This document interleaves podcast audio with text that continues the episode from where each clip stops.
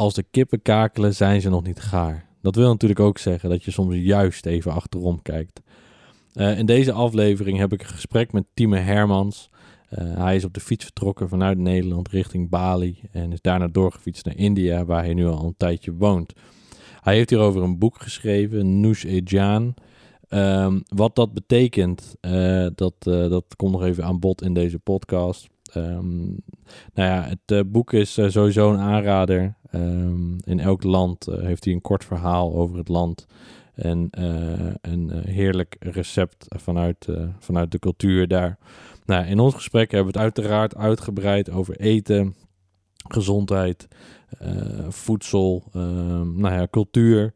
En uh, daarin is dit gesprek ook een fantastische spiegel voor uh, iedereen die in Nederland is gebleven. Uh, want de manier waarop Timo achterom kijkt, ik, ja, ik kan daar weinig anders uit concluderen dat deze reis hem een wijs man heeft gemaakt.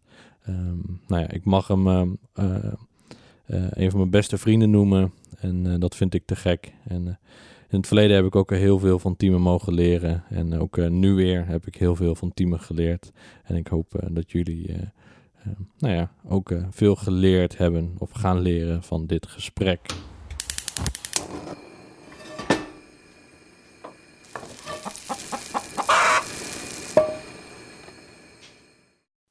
Oké, okay. nu ben ik klaar. Ben je klaar? Zonder zoete chai, geen leven, zeg ik wel eens. Zeg Oh. Zonder zoete chai, geen leven. En waar zoet je je chai dan mee? Uh, met hartstikke witte suiker. Oké. Okay. ja, ja, prima. Ja, ja eerst, deed ik het, eerst deed ik het met wat meer natuurlijke palmsuiker en dat soort dingen. Ja. Yeah. Maar, nou, ik weet niet, locals zeggen hier altijd, je moet koffie zoeten met dat soort bruinige, bruinige natuurlijke suiker, maar chai moet met witte fucked up suiker. En ook met hele goedkope zwarte poeder thee. Anders, anders is het niet chai. Dus daar zijn ze heel, uh, heel streng in. Dus nou ja, ik doe maar dat ook maar voor. Maar ik drink niet zo heel veel chai. Dus, eerst elke dag, maar toen... Nee, nee, cafeïne is eigenlijk niet zo goed voor mij. Uh, chai zit cafeïne in. Uit zwarte thee. Ja, het is, het, is het is een vrij sterke zwarte thee met melk en spike. Ja. Mm. Uh, maar het kan wel lekker zijn. Dat is wel lekker. Ik heb uh, gemberthee. Nou, cheers. er zit een irritant ding in, waardoor het drinken heel moeilijk is. ja, die kan ik inderdaad gewoon uithalen, ja. Ja, maar dan is de thee slap. Dat is een duivels dilemma. Een tijdje op eigenlijk. Hmm. Oké. Okay. En er zit een vliegje in. Oh, nou, geen vegetarische thee voor jou. Geen vegetarische thee voor mij. Nou, vliegje is een groot woord. Het is zo'n heel klein minuscuul riool. Uh, nee, grapje. Oké. Goed. Ik kom, ik kom wel een keer bij jou thee drinken, ja? Dat is goed. ik, heb, ik heb er nu al zin aan. Ik ook. Alright. Alright. Um, nou, uh, Tieme. Nou, ik zal even niet slurpen als we aan het praten zijn. Ah, ja, ach, het, het, hoort erbij. Ik denk dat dit gesprek sowieso iets anders is als, uh, uh, als gewoon de normale gesprekken die ik voer. Als in, wij kennen elkaar natuurlijk al heel lang. Mhm. En, uh, de grens tussen een intellectueel gesprek en um, domme grappen maken is over het algemeen heel klein. of hoe heet het? dus... dus ik denk dat dat de realiteit uh, is van, uh, van dit gesprek. Maar uh, ja, nou ja, ik ben ook heel blij dat ik jou een vriend van mij mag noemen. Ik ook. En dat, ja, en, en, dat wij dit gesprek hebben. Want aan de ene kant, we hebben natuurlijk elkaar heel veel gesproken de afgelopen jaren. nou, eigenlijk vooral weer het afgelopen jaar. Ook heel lang niet eigenlijk. Tijdens je hele reis hebben we elkaar bijna niet gesproken. Tenzij nou, jij belde me vaak op hele random grappige momenten. Ik heb nog echt een paar hele leuke herinneringen van de meest bizarre plekken waar ik was toen jij mij belde. Ja joh, oh, dat ben ik helemaal vergeten. Oh ja, ik weet nog dat ik een keer in Kirgizië tussen een paar bergpassen aan het fietsen was. Ik was heel ranzig, ik had me al twee weken niet gedoucht. En ineens ging mijn oude Nokia, die lag in mijn voortasje van mijn fiets te ratelen op die bergweg. En ineens had ik signaal blijkbaar. Wie belt mij nou? Niemand had mijn nummer, want ik was pas net in Kirgizië. Maar die stuurde ik altijd als gewoonte even door aan wat uh, vrienden, waaronder jij natuurlijk. En toen ineens, op dat random bergweggetje, hing jij in de telefoon. En de verbinding was vrij goed. En toen hebben we een half uur lang slechte grappen gemaakt. Oh, vet. Oh, kan ik me helemaal niet meer herinneren. Maar in ieder geval voor de mensen die dus niet weten waarom jij op een bergpas in Kirgizië was. Jij hebt ooit besloten om op de fiets vanaf Zwolle uh, in Nederland naar Bali te fietsen. Ja, dat is alweer, uh, goh, nou, bijna acht jaar of zo geleden, of negen. In 2012, in het voorjaar, ben ik inderdaad vertrokken. Een beetje zonder plan, totaal zonder ervaring en eigenlijk een beetje van, nou, kijken wat er komen gaat en uh, gewoon de fiets opgestapt en oostwaarts gaan rijden. En uh, ja, tweeënhalf jaar later stond ik ineens op Bali. Ja, vet. Weet je nog wat, wat de uiteindelijke beslissing was om te gaan? Of was het iets wat al heel lang in je hoofd zat? Ja, ik, ik droomde al echt jarenlang over verre reizen maken. Ik las van, vanaf dat ik een tiener was, denk ik al, al boeken over verre bestemmingen, moeilijke plekken, avonturen, dat soort dingen.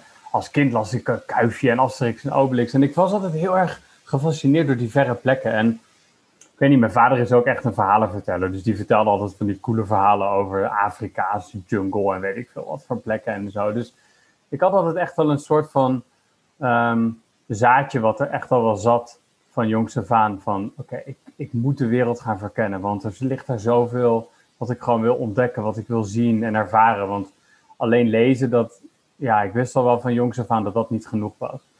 En um, ja, ik begon eigenlijk met zelfreizen vanaf mijn achttiende. Maar in mijn twintige jaren begon ik ook wel aan relaties en een beetje het, het, het, het soort van, ja, een beetje meer het gebaande leventje. En, maar ik, het, het broeide altijd, het sudderde onder het oppervlak. En op een gegeven moment, ja, het was net een beetje een samenkomst van een relatie die, die uh, voorbij ging. En toen op een gegeven moment dacht ik van, ja, Timmy, je bent nu 26 jaar. Als je het nu niet doet, dan gebeurt het niet meer. Dus je moet nu die knoop doorhakken en radicaal de beslissing maken: ik ga dit doen. Ook al heb je geen geld, geen spullen, geen plannen, niets. Je moet dit nu beslissen, want anders ben je het kwijt. Ja, en dat heb ik gedaan. Oké, vet. Vet. Ja, als je het zo zegt, kan ik me herinneren dat je inderdaad ook wel vaak, uh, nou ja, voor, voor, stages en al dat soort dingen ook al uh, naar verschillende landen ging. Ja, vet. Um, en uh, van jouw reis heb je een, een boek geschreven. Ja. Nusheyan? Hmm. Het is een uh, Persisch woord, dus je zegt Nushejan. En dit, uh, ja, Nushejan. Het betekent, mogen het je ziel voeden. En um, dat is een beetje een poëtische manier om eet smakelijk te zeggen in, uh, in Iran, in het Persisch. Um, dat zeg je tegen degene die gekookt heeft. En dat kan diegene ook terugzeggen. Dus het is een soort van ja, eet smakelijk en mogen het meer zijn dan alleen het eten zelf.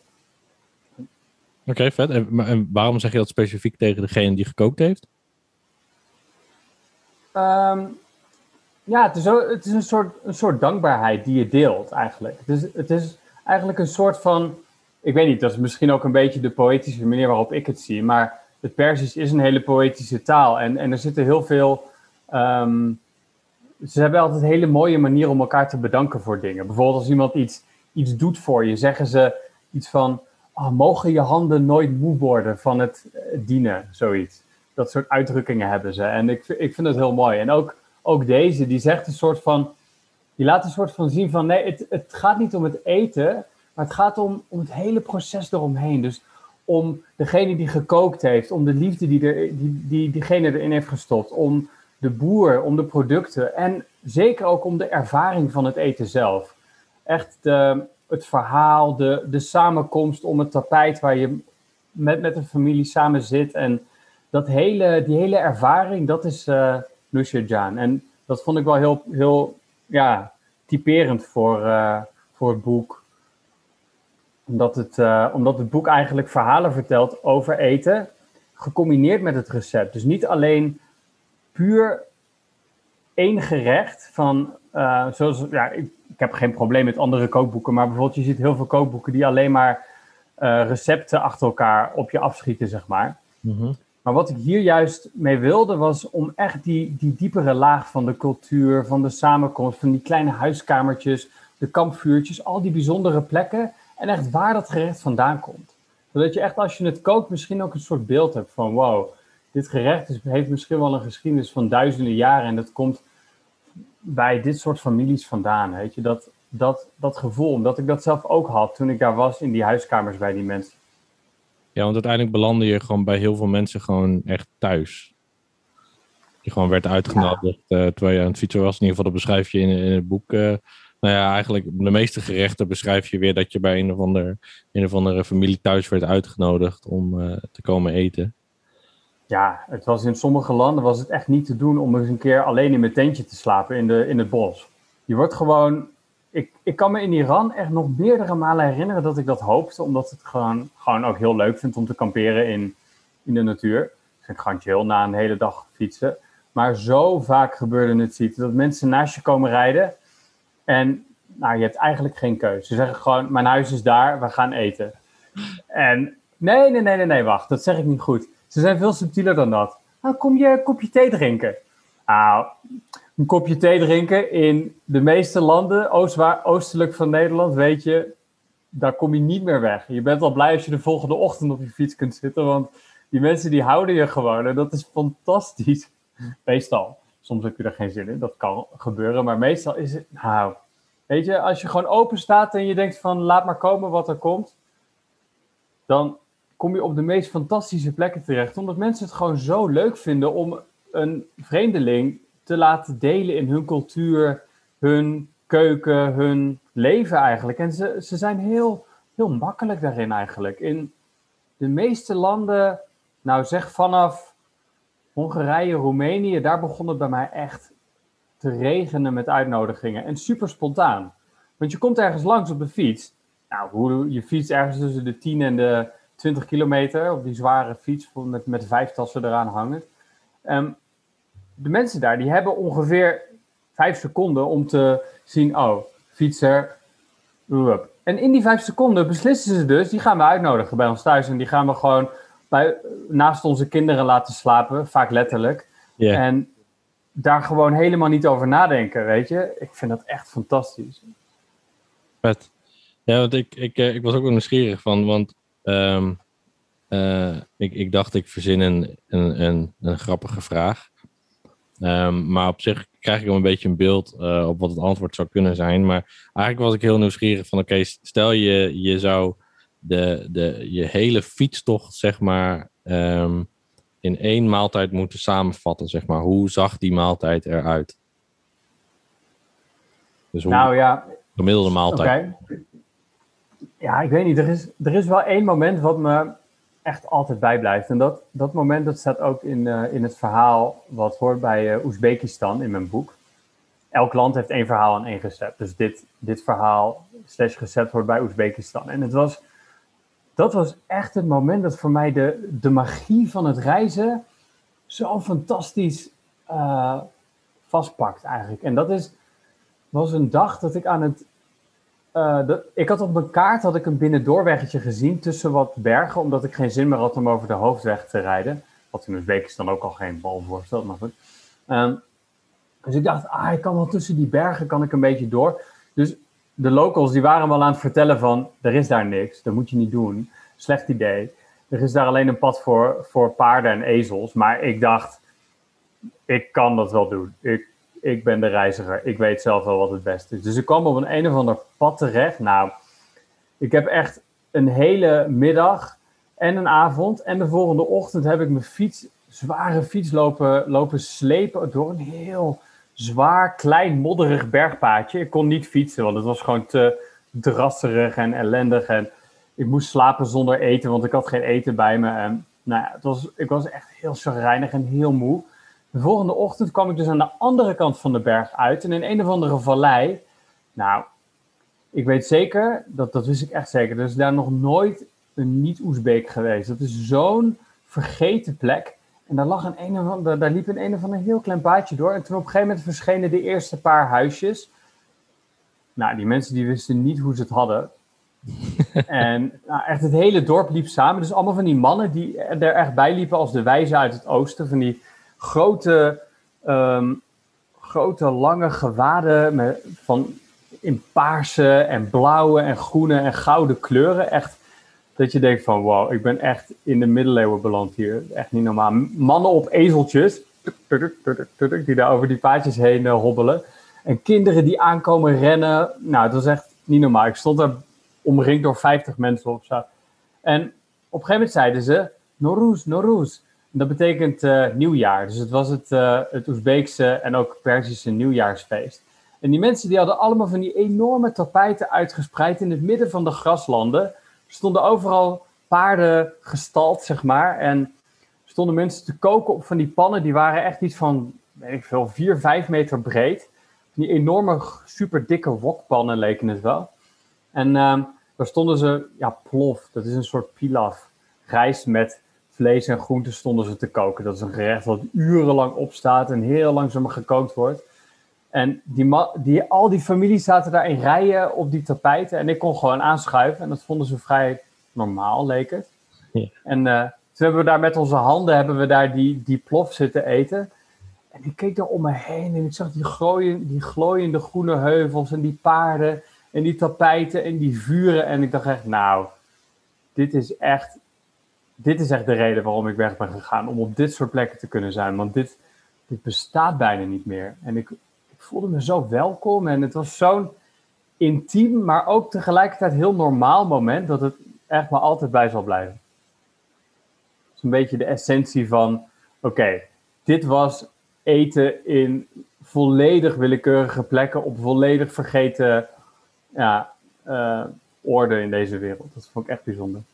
Ja, heel vet. Ik denk, ik denk dat, dat menig reiziger echt extreem jaloers op je is. Want er zijn natuurlijk um, en, en eten en, en zowel uh, reizen, zeg maar, zijn natuurlijk ook heel erg. Uh, nou, we zijn steeds meer naar een soort van belevingsmaatschappij gegaan, waarin de beleving het allerbelangrijkste is. En ja. um, ik merk bij mezelf dat ik eigenlijk alweer een soort van, soort van kantering krijg. Dat ik eigenlijk zoiets heb van, ja, ik, ik, ik wil niet, niet meer ver weg of zoiets, om het ver weg gaan. Ik wil juist uh, weer zo dichtbij mogelijk uh, uh, kijken. Um, want heb, heb jij dat ook, want het is natuurlijk al wel een tijdje geleden, dit. Het is dan acht jaar geleden? Ja, ja, ik, ik, ik kwam eh, eind 2014 aan op Bali. Dus dat was het einde van mijn eerste fietsreis. Ja. Ja. ja. Um, eigenlijk wat ik wil vragen is. Um, ja, ja hoe, hoe, kijk je daar, daar, daar nu tegenaan, zeg maar? Want het, nou ja, het duurt misschien niet lang meer. Voor en dat je misschien een van de laatste bent geweest die, die nog zo'n unieke ervaring heeft mee kunnen maken. Ja, bedoel je, bedoel je te vragen of, um, of, ik, um, of ik iets wil vertellen over, de, over dat deze soort wereld aan het verdwijnen is? Of, of bedoel je dat je dezelfde soort ervaringen misschien ook dichter bij huis kunt vinden? Wat, wat, uh, wat nou, ja, eigenlijk ook wel een goede vragen die terugkomen. Ergens merk ik namelijk dat, dat mijn vraag gewoon misschien meer een soort van mening is dan echt een vraag. mm -hmm. Oké, okay, ja, kom maar. Um, um, maar dat. Uh, ja, het is zo hip geworden, zeg maar, om, um, uh, om met de locals uh, te zijn dat daardoor het hele locals gebeuren eigenlijk verdwijnt.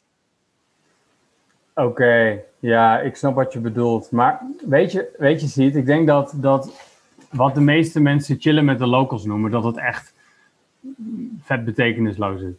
Want de meeste mensen die, die ik zie backpacken en zo, die gaan allemaal stuk voor stuk naar exact dezelfde plekken. En dat hele Instagram-toerisme, waarin ze foto's maken met lokale mensen, dat is een plaatje van 2% van die hele reis van mensen. En ik wil, niet, ik wil nu niet backpackers afzeiken hoor. Ik heb zelf ook gebackpackt en ik heb zelf ook. Um, in, ik ben zelf ook in exotische landen geweest, terwijl ik, het, terwijl ik 95% van de tijd uh, mijn tijd besteedde met andere Europeanen. En in een soort veilig bubbeltje zat in dat land. Maar het betekent wel dat het grootste deel van het land en het grootste deel van de mensen in die landen, en dat geldt echt voor de meeste landen ter wereld, dat die nooit een toerist zien. Want de meeste toeristen die willen helemaal niet van de gebaande paden af. Omdat het een beetje oncomfortabel is. Want het is tegenwoordig zo makkelijk om, om, om in Thailand en zo te reizen. Weet je, je gaat naar een hostel, je boekt je volgende bus naar de volgende stad. Daar is een bepaalde excursie die iedereen gaat doen. Je kan een bepaalde motorbike trip maken in die buurt. En tijdens die motorbike trip ga je natuurlijk wel mensen tegenkomen met wie je coole interactie kan hebben en zo. En dan maak je een foto samen en dan zet je op je Instagram. Maar dat is niet echt een, een, een vol, volwaardige uh, het, beeldvorming van je reis, want het is heel beperkt. Dus ik denk dat dit soort plekken, als die ik beschrijf in het boek, ja, die gaan niet verdwijnen door toerisme. Die gaan eerder verdwijnen door de moderniteit. Maar dat gaat in die landen heel langzaam. Ik denk dat die mensen in Oezbekistan, dat die nog steeds gewoon daar zitten. En dat daar niet zoveel veranderd is sinds ik daar geweest ben, ongeveer acht jaar geleden. En ik denk dat, dat over tien jaar, dat het daar nog steeds niet zo heel veel veranderd is. Ja, ik hou het wel van. En dat, daar is dit ook weer een goed voorbeeld van. Van zo'n. Uh, het, antwoord wat je geeft en het, feit dat ik deze vraag stel, dat ik daar lichtelijk oncomfortabel van word. Omdat ik merk dat ik uh, heel erg uh, bevooroordeeld ben over heel veel dingen. Een soort van. Nou ja, toch altijd wel weer plaatjes klaar heb staan van nou ja, hoe het waarschijnlijk zal zijn. Maar um, ja, ik, vind, ja, ik vind het wel heel tof wat je zegt over, over inderdaad. het, en het klinkt ook heel logisch, inderdaad. Hoe wat zal zijn? Wat bedoelde je? Met nou, gewoon, het, het klinkt uh, wat jij zegt over dat, uh, dat, dat, dat dat niet zozeer gaat verdwijnen door, door het toerisme, maar meer door, uh, door de modernisering. Ja. ja, dat zie je bijvoorbeeld in, in, in Mongolië nu. Dat, dat, was, dat was ook een van de hoogtepunten van mijn reis, omdat mensen daar nog echt nomadisch leven. In tenten, zonder, zonder wat dan ook eigenlijk. Weet je? Die mensen die, die wonen daar tijdens de winter, en als het daar min 40 is, met hun kudde. En die, die gaan nergens heen, want je kan nergens heen. Ze zijn eigenlijk feitelijk zijn die mensen dan ingesneeuwd met hun kuddes. En ze hopen dat de winter niet te streng is, zodat die kuddes het ook overleven. En um, dan trekken ze in de zomer weer naar een volgende plek met hun tent. Maar je ziet bijvoorbeeld in een land als Mongolië dat doordat de economische en klimatologische omstandigheden veranderen, dat heel veel boeren nu of herders nu naar de steden trekken en daar een, een of ander verschrikkelijk leven leiden in een soort uh, sloppenwijken. Dus dat soort dingen gebeuren wel in, in veel landen, waardoor heel veel van dit soort traditionele levenswijzen eigenlijk verdwijnen. Maar ja, er zijn dus ook nog wel genoeg gebieden waar ja, de tand destijds gewoon echt veel trager gaat dan uh, in de rest van de wereld. Ja, vet. Um, ja, ik ben nieuwsgierig. Ik denk dat het een, een, misschien is het een ingewikkelde vraag, maar um, een heel groot deel van eten is natuurlijk ook gewoon de beleving. Um, en uh, nou ja, je hebt nu, je hebt tijdens die reis en ook nu nog steeds zoveel verschillende manieren van, van eten, beleven, meegemaakt. Um, en om, om te beginnen met, met wat jij zei over, over het eten in Iran. Uh, uh, waar nou ja, de beleving gewoon bijna poëtisch is, als, als ik, als ik mm -hmm. zo erover hoor praten. Um, ja, en nu komt dan de vraag, en die, die is dus eigenlijk best wel, uh, ik kan me voorstellen dat het een lastige vraag is. Um, maar kun jij enigszins duiden, zeg maar, wat voor manier beleving smaak beïnvloedt? Of de keuzes die je maakt, wat je eet? Hmm, goeie vraag. Hoe de beleving smaak?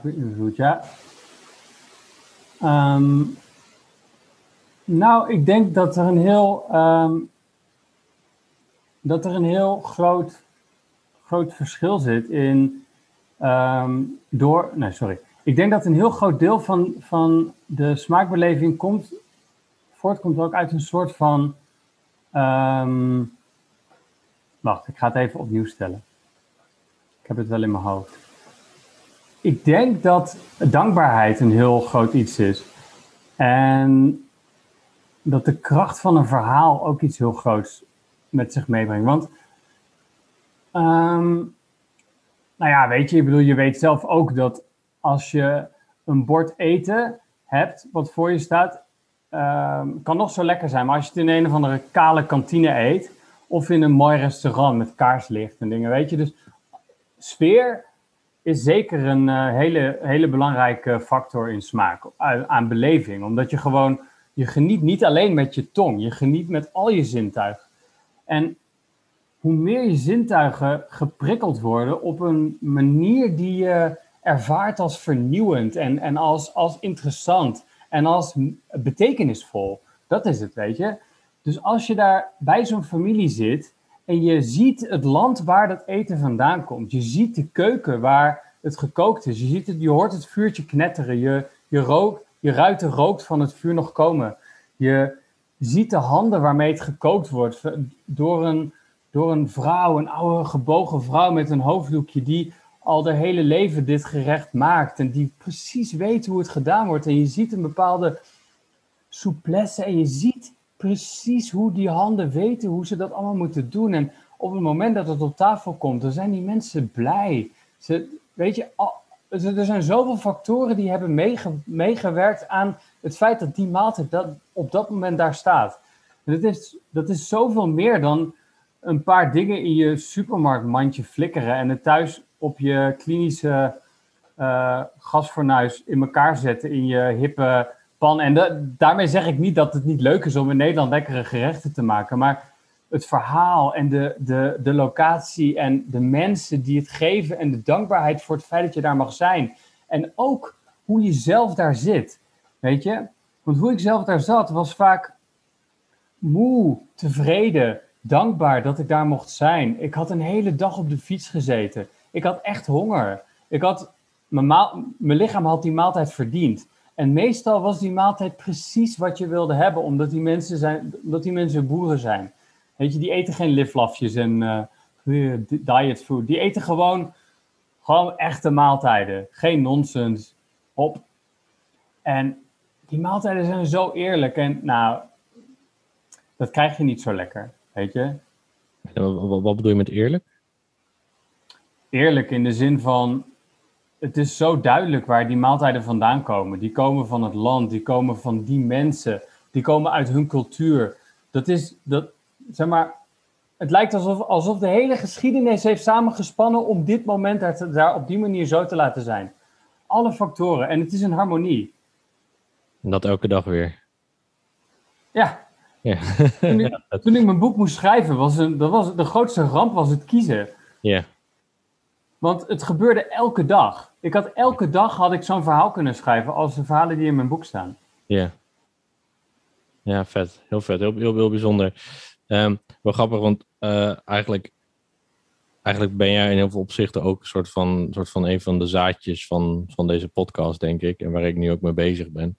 Omdat um, uh, toen jij nog in Nederland woonde, toen uh, nou ja, was, was een favoriete activiteit van ons was samen eten. En dan ging het eigenlijk niet zozeer om het eten, maar het ging meer om het koken ervoor. En ja. koken is een, um, is, is een prachtig medium, zeg maar, om, om te ouwehoeren. En uh, dat was eigenlijk ook het eerste plan van deze podcast. Alleen met, uh, met de huidige pandemie um, is dat wat lastiger om nou ja, op die manier zeg maar, met mensen bezig te zijn. Ja.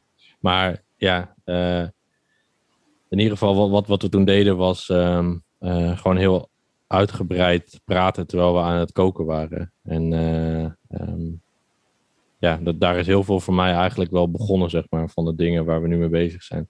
Ik werd trouwens van de week nog aan het herinnerd door een cameraman met wie ik echt al, nou, dus het vijf, zes, zeven jaar niet gewerkt had. Dat we denk ik 10, 15 jaar geleden ook nog een keer samen op een boerenakker hadden gestaan om een pilot te draaien voor een, uh, ja. voor een, uh, ja, een kook, kookprogramma-achtig ding of zo. Ja, koken bij de boer, inderdaad. Ja, ja dat was een mooie, mooi idee. Ja. Niet uitgevoerd, maar wel een mooi idee. Ja, ja, ja zeker. Nou, er waren wel meer mooie ideeën die, die niet uitgevoerd zijn toen. Maar, ja, dat, dat is de, de, het drama van mooie ideeën. heb, heb, heb je zelf wel een beetje de kans gekregen om te koken tijdens je reis? Um, ja, weet je, ik had een, uh, ik had een 1 pits benzinebrandertje en ik had zo'n klein pannetje, ongeveer ter grootte van mijn hoofd. Smaller ook trouwens. En um, ja, daar kon ik wel op koken natuurlijk, dat was prima. Maar dat waren vrij functionele maaltijden over het algemeen. Dus het was uh, meestal gewoon pleur allemaal dingen bij elkaar in, in een pan en wacht tot het gaar is. Of, of ik had pasta of rijst en dan kookte ik dat eerst en dan maakte ik daarna een uh, soort van groenteprutje en dat gooide ik er dan overheen en dan was het dat. Dus het was, waren vrij functionele, maar toch wel smaakvolle maaltijden, maar niet echt culinaire hoogstandjes natuurlijk. Maar als ik bij mensen thuis kwam en ik was uh, voor langere tijd bij mensen te gast, dan kookte ik heel graag. En dan leerde ik ook graag dingen van hun. Dat is natuurlijk ook, ook deel van het proces. Ik heb veel van deze traditionele gerechten ook gekookt met deze mensen of in datzelfde land. Ja. Vet. Heb je, heb je nog hele specifieke dingen geleerd daarin? Uh, ja, natuurlijk. Ik heb, ook, ik heb ook in heel veel landen geleerd dat een gast beslist niet in de keuken mag komen.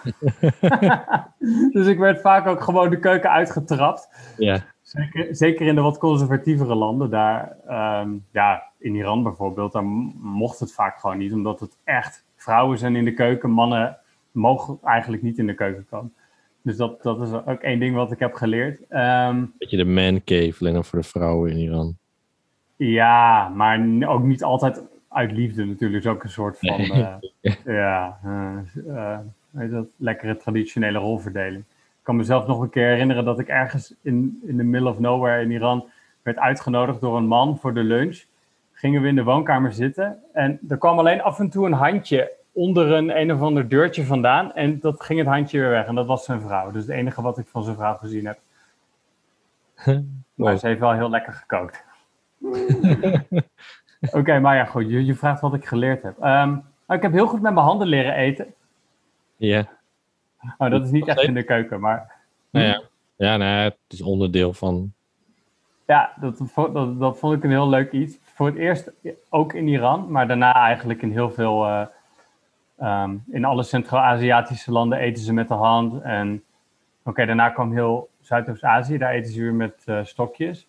Maar in uh, Myanmar en India en deel van Maleisië en Indonesië eten ze weer met de hand. Dat vond ik echt een heel leuk iets. Het voelt heel, um, weet niet. Ik vind het een mooie manier en te zeggen dat daar zelf ook als je contact maakt met het eten voordat het in je mond komt, dan, ja, er zijn wat wetenschappelijke uh, theorieën over. Dat vind ik niet zo interessant, maar alsof er wel een bepaalde verbinding komt met het eten al voordat het in je mond komt. Dus alsof je een extra belevings uh, iets uh, toevoegt aan het, uh, aan het eten. Ja, geloof ik wel. Want als je aan het koken ja. dan eet je eigenlijk ook tijdens het koken ook heel vaak met je handen. Ja, tuurlijk. Ik heb eigenlijk handen. Ja, ik heb pas kort heb ik, uh, had ik, heb ik een bakje met lepeltjes en dat soort dingen op het aanrecht gezet. Als ik aan het, als ik koken ben, dat ik even snel kan proeven. Maar eerder is het eigenlijk altijd met je handen. En eigenlijk is het ook weer heel waardevol, want dan voel je hoe warm het is, dan voel je hoe hard het is, je voelt de textuur, je, ja, toch? Ja, ja, ja, ja. Ik, ik, geloof dat het een uh, toevoeging is. Hmm. Moet, je, nee, maar ik, moet je anders koken als je met je handen gaat eten? Of zou je, als je nu in Nederland gewoon een stampot uh, aardappelpuree ook gewoon lekker met je handen eten? Ja, dat is niet echt geschikt. Het is, het is, te, het is te heet. Oh ja. Um, ja, dus bijvoorbeeld in India, waar ik nu woon, daar hebben we nog niet echt uh, bij stilgestaan. Dat ik na mijn reis in Vietnam heb gewoond en naar een weer ben gaan fietsen en daarna uiteindelijk in India terecht kwam. Dus, nou goed, dat hele verhaal. Mm. Uh, het eten hier is vaak minder heet dan bijvoorbeeld in Nederland. Dus het wordt vaak ietsje minder warm op, opgediend, omdat het, omdat het anders gewoon te heet is. En dan ga je met je vingers in zo'n in zo'n uh, daal of uh, sambar of wat voor curry's hier ook maar. En dan is het gewoon te heet. Dus dan is het beter om het net ietsje minder heet te serveren. Ja, je at natuurlijk heel vaak bij mensen thuis, maar je, je at ook vaak onderweg. Mm -hmm, ja. Uh, ja, hoe, hoe doe je boodschappen dan? Um, ja, je komt. Het, het was eigenlijk mijn regel ongeveer tot, tot China dat ik zeer zelden buiten de deur at. Zeg maar in een, in een restaurant of iets dergelijks. Omdat, ik dat, uh, omdat het voor mijn toen, toenmalige budget van om en rond de 5 euro per dag een beetje krap was. Vanaf China begon het dermate goedkoop te worden dat ik, uh, dat ik ook wel een beetje van uh, strategie ben veranderd, zeg maar. Dus daar ging ik ook wel vaker uit eten.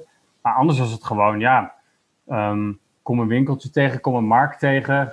Zoek iets wat lijkt op uh, eten wat je herkent of niet herkent of wil proberen. En ja, de groenten bleven vaak wel een paar dagen goed op de fiets, afhankelijk van het uh, klimaat. Soms moest ik echt voor lange tijd inslaan. Als ik echt de berg of de woestijn introk, en dan had ik echt uh, kilo's rijst bij me en weet ik wat allemaal. Heel veel water soms ook soms zo zwaar beladen dat ik bijna niet het woestijnzand doorkwam, omdat het zo, uh, zo zwaar was. Maar uh, ja, dat hing er een beetje vanaf. Wat het land te bieden had, bijvoorbeeld in um, Mongolië was er bijna niks. Weet je, dan had je soms een week lang of zo dat je geen dorp of stadje tegenkwam.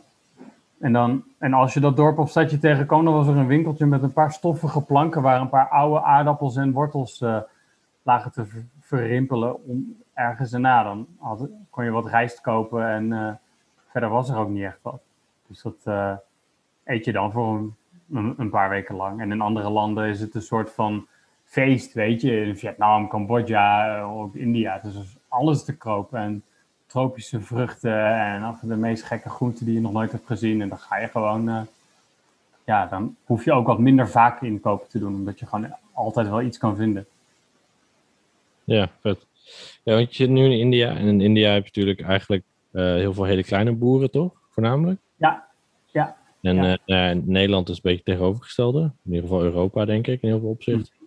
Ja. Zit er ook nog van alles tussenin? Of uh, nog andere... andere... Nou, ja, je, hebt hier, je hebt hier wel grotere plantages ook en zo, maar in principe zijn de meeste Indiase boeren zelfvoorzienend, subsistence farmers in het Engels. Dus die, die, die hebben genoeg voor zichzelf en die verkopen wat. En daar kunnen ze hun dagelijkse behoeften mee, uh, in hun dagelijkse behoeften mee voorzien. Maar veel meer dan dat niet. Dus je ziet hier ook dat, of sowieso in heel Azië zou ik zeggen, dat het platteland veel bevolkter is dan in uh, West-Europa. Omdat er gewoon veel meer mensen op, op, op die ruimte wonen. Zeg maar, waar in Nederland vroeger tien mensen uh, op een bepaald gebied wonen, is het er nu één. Omdat, vanwege de schaalvergroting. Maar dat is hier bijna nog niet gebeurd. Dus je ziet dat het platteland veel bevolkter is, veel levendiger is, veel...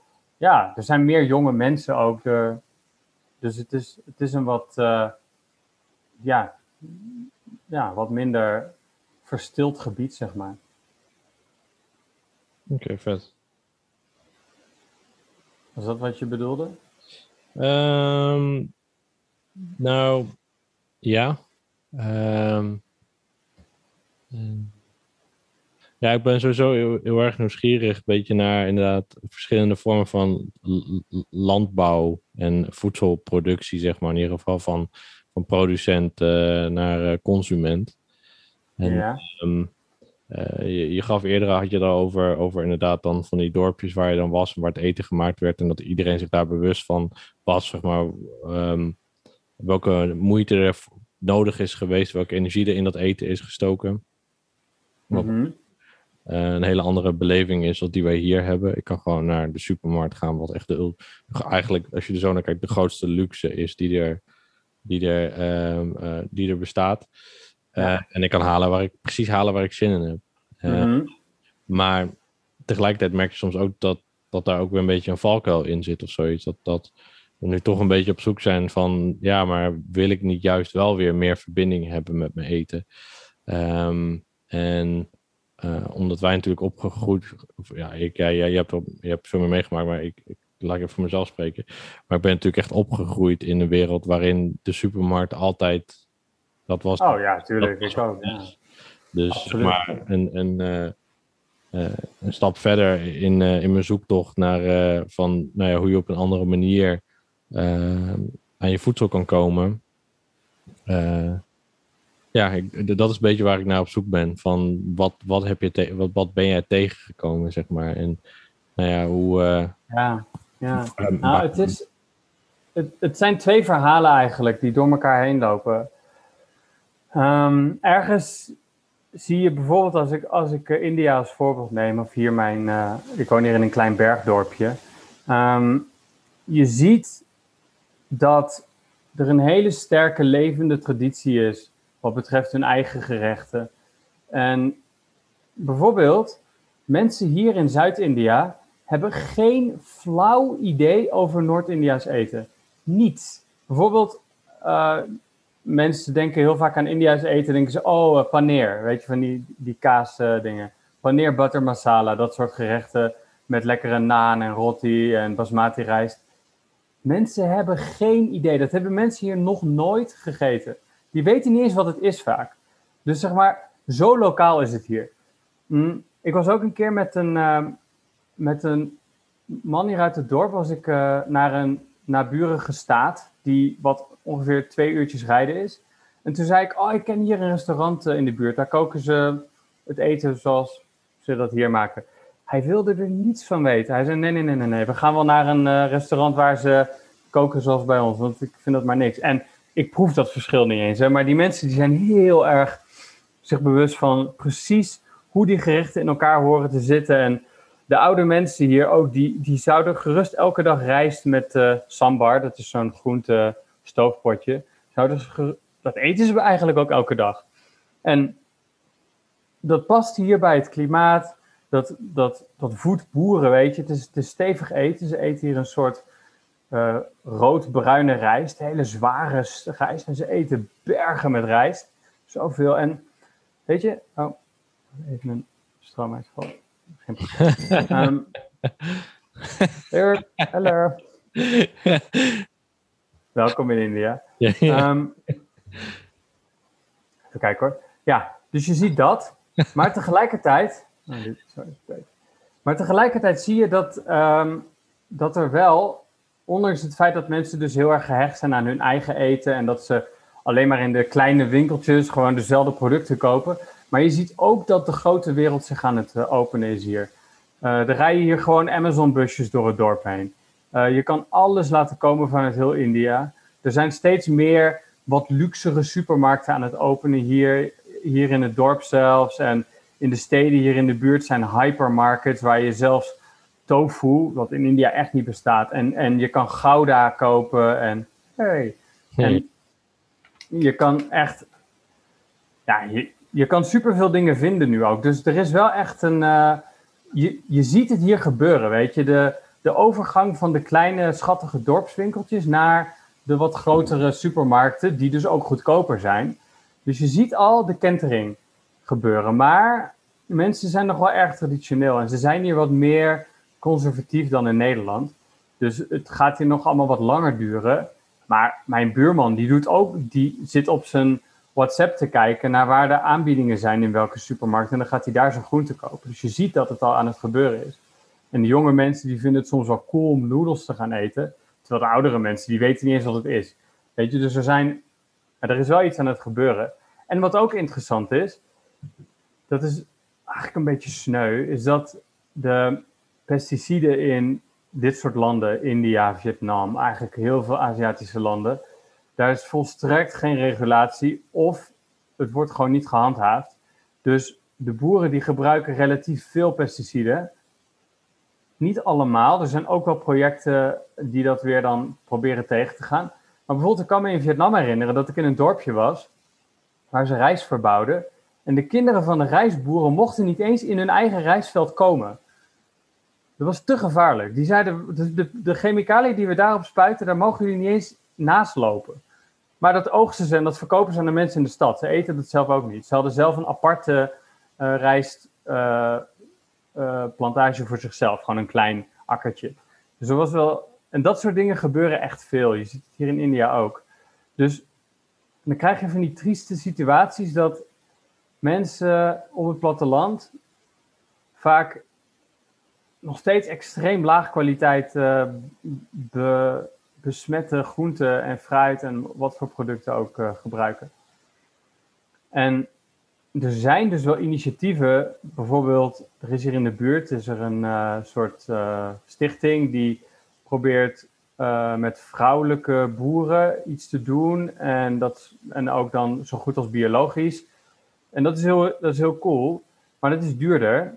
Dus nu kunnen alleen mensen als ik, die wat meer te besteden hebben, kunnen biologische groenten kopen. En de andere armere boeren, die moeten de zwaar bespoten pesticidengroenten kopen. Dus de boeren zelf die eten ja, eigenlijk hele laagwaardige producten vaak. Tenzij ze het zelf verbouwen. Maar ja, dat, mensen verbouwen vaak maar één of twee verschillende producten. De rest is gewoon, uh, komt uit het laagland waar ze extra veel pesticiden gebruiken. Het, het laagland? Oh, ja, ik, ik, woon in de bergen, dus uh, in de, ja, op, ja. hier in de bergen wordt, wordt voornamelijk koffie, chocola en uh, thee en zo verbouwd en peper. Dat is echt een plantagegebied hier. En uh, dus de meeste groenten en ook rijst komt uit het laagland. Dus ja, en de, alles wat geïmporteerd is uit andere gebieden, dat is per definitie vol met pesticiden. op zich wil ik daar hier zo meteen nog wel even verder over hebben, want het is wel een interessant onderwerp. Maar waren er ook plekken uh, waar je geweest bent, waar ze eigenlijk bijna alles zelf bouwden en, en daarin een heel divers scala aan, uh, aan, uh, ja, aan producten verbouwden in de directe omgeving? Um, divers zou ik niet per se zeggen. Ik denk meer seizoensgebonden en dan tijdens het seizoen elke dag hetzelfde eten. Dat is meer een beetje hoe het gaat. Mensen verbouwen vaak dan een redelijke hoeveelheid van één bepaald iets. Dat met de seizoenen meebeweegt. Maar er zijn wel, ik ben natuurlijk wel heel veel in gemeenschappen geweest waar ze volstrekt niets uit, het, uh, uit de buitenwereld ontvangen. En ja, daar, daar leven ze met wat er is. En daar eten mensen dus relatief weinig groenten. Maar ja, wat wij relatief weinig groenten vinden, is in heel veel delen van de wereld best normaal. Want heel veel mensen eten gewoon heel veel rijst en dan een beetje van iets anders. Ja. Ja, en je had het net eens over die pesticiden. Als ik aan pesticiden denk, denk ik aan, aan heel grootschalige landbouw eigenlijk. In ieder geval, als in als je heel veel van hetzelfde op een plek verbouwt, dan, dan is dat een reden waarom je pesticiden nodig hebt. Omdat uh, nou ja, de, de, de, de, de plaagdieren uh, op die plant afkomen. En als er veel van is, dan, uh, nou ja, dan kunnen ze lekker hun buikje rondvreten en zich voortplanten. Mm Heb je veel um, ja, monocultuur eigenlijk in India? Ja, het is dan wat kleinschaligere monocultuur heb je hier natuurlijk ook gewoon. Ik bedoel, je kan ook... Ik, bedoel, ik woon hier op een koffieplantage in principe. Dat is ook monocultuur. Maar het is niet een hele grote plantage. Maar er staan wat peperbomen en wat van alles tussendoor. Maar in principe is het monocultuur. Of je hebt hier allemaal van die... Er zijn bepaalde komkommers zijn dan bittergourd heet dat. dat is een hele bittere groente ja, dat, dat, dat wordt hier ook verbouwd. Maar als je daar een beetje geld mee wil verdienen, dan moet je toch wel, weet ik veel, bijvoorbeeld 20 bij 20 meter plantagetje hebben. En die mensen die gaan niet elke dag de beestjes ertussen uitvissen. En chemicaliën zijn zo goedkoop hier. Dat is het probleem. Het is zo ontzettend goedkoop.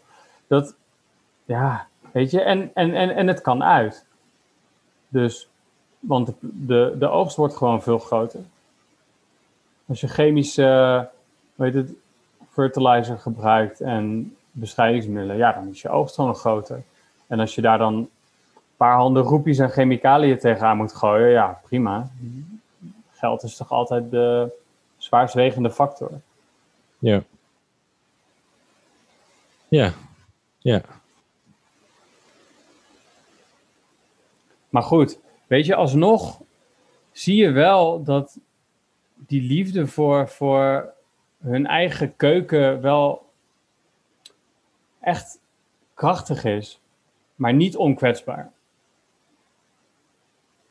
En waarin is het niet onkwetsbaar? Of dat is dan de jeugd die dan die ramen wil proberen, die dat hip vindt? Of... Ja, precies. De jeugd, de jeugd kijkt toch al met een, met een andere blik naar tradities. En, en, en die zijn meer geïnteresseerd in het nieuwe natuurlijk. En dat is altijd al zo geweest. En ik ben ook geen voorstander van alles altijd maar vasthouden zoals het was. Ik ben niet per se heel uh, conservatief in die zin. Maar je ziet wel dat er, dat er een uh, bepaalde kentering plaatsvindt. En ook dat veel jonge mensen niet meer precies de traditionele gerechten kunnen koken. Of niet meer dezelfde tijd hebben, weet je. Dat is het ook. Er is toch een bepaalde tijdsbeleving die, die ook bij het eten hoort. Want het grootste deel van al die traditionele gerechten zijn hartstikke. Gaan, dat duurt hartstikke lang om die te koken. En in de tijd waar, waarop waar die, die oma's zijn geboren die, die dat koken, kookten, was tijd veel minder een, een, een belangrijke factor. Maar je ziet zelfs in bepaalde boerengemeenschappen, overal ter wereld eigenlijk, zie je toch dat tijd steeds schaarser wordt. En dat mensen dus ook hun tijd meer als kostbaar gaan ervaren. En dus ook, ja, dat heeft ook impact op het koken. Maar toch, maar toch denk ik dat op, de, op plekken als dit het nog heel lang gaat duren voordat het echt ze die traditie aan de kant gaan zetten. Want ze zien ook wel echt wat ze hebben. En daar hebben ze ook wel echt uh, heel veel waardering voor. Want iedereen zegt, je kan nergens zo lekker eten als thuis. Er is geen restaurant waar je lekkerder kan eten dan thuis. En dat begint eigenlijk vanaf Oost-Europa voor mij al. In Nederland ga je lekker uiteten. Maar daar is het van, oh ja, we gaan even uiteten, maar hè? niet zo lekker als bij moeder. En het is ook echt zo. Ja. Waar, waar, waar, komt dat vandaan eigenlijk? Waarom uh, uh, is de Nederlandse keuken. Um, ik wil het woord saai niet gebruiken, maar meer van waarom no nodig het zo uit om lekker uit eten te gaan? Waarom zijn al die andere etens uit uh, andere landen zoveel lekkerder, tussen aanhalingstekens? Um, nou, ik ben het ook niet helemaal met je eens, maar wel een beetje natuurlijk. Maar ik, ik denk dat het ook komt omdat mensen een bepaalde luxe ervaring willen. En uh, luxe misschien ook in de vorm van producten die wat exotischer zijn. Of bijvoorbeeld, vroeger was het luxe om een groot stuk vlees te eten. En misschien wil je die luxe dan combineren met de ervaring van luxe, wat je in een restaurant nog wat meer hebt. En dan dan, dan wordt dat de ervaring waar je naar op zoek bent. En dat zie je ook vaak bij restaurants. Die spelen in op een bepaalde ervaring van wilde, van in de watten gelegd worden, van je, je voelen als een soort edelman eigenlijk van vroeger, weet je. Die mensen die werden ook bediend en, en die kregen de grootst ingewikkelde gerechten voorgeschoteld. En, en dat was het bijna meer de ingewikkeldheid van de ervaring die, die, die maakte dat mensen dachten van wow, kan je ook twaalf gangen liflafjes eten, waarvan je de helft van de tijd geen idee hebt wat het is. En het wel lekker smaakt, maar het ook vooral heel cool is. Dus dat is dan een beetje de ervaring van wow, dit, ik snap het niet, of ik weet het niet, of dit is luxe, of dit is exotisch. En dat, dat is natuurlijk altijd iets wat mensen trekt. Maar um, ja, dus dat, dat is misschien ook wat je eerder al zei, van wat mensen zoeken in de ervaring van het eten en het reizen, is een soort van exotische ervaring. Want we zijn altijd op zoek naar iets nieuws en iets moois. En het ver weg.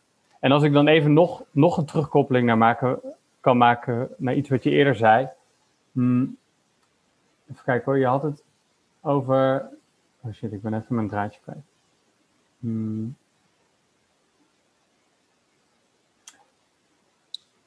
Je had het over naar je eigen weggaan van je eigen keuken, daar zei je iets over. Weet je nog wat je zei?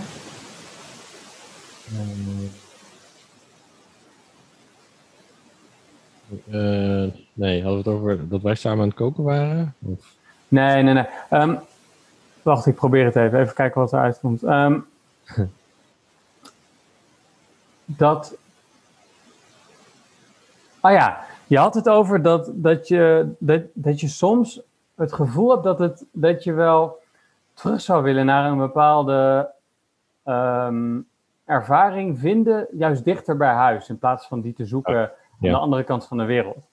En ik denk dat de Nederlandse keuken wel interessant is, omdat als je, als je kijkt naar, naar, als je heel koud de recepturen van Nederlandse gerechten uh, naast die van andere landen legt, zou je kunnen zeggen: oké, de Nederlandse keuken is vrij eenvoudig en, en, en, en mist wat diepgang op, op, op, uh, op ingewikkeld niveau. En ik wil dat gesprek ook helemaal niet aangaan. Ik ga niet als een of andere purist de, de hutspot lopen verdedigen. Maar wat ik wel zelf jammer vind, is dat we zelf toch allemaal op zoek zijn naar, naar unieke ervaringen, naar betekenisvolle ervaringen. En een beetje zitten te zeiken over onze eigen keuken.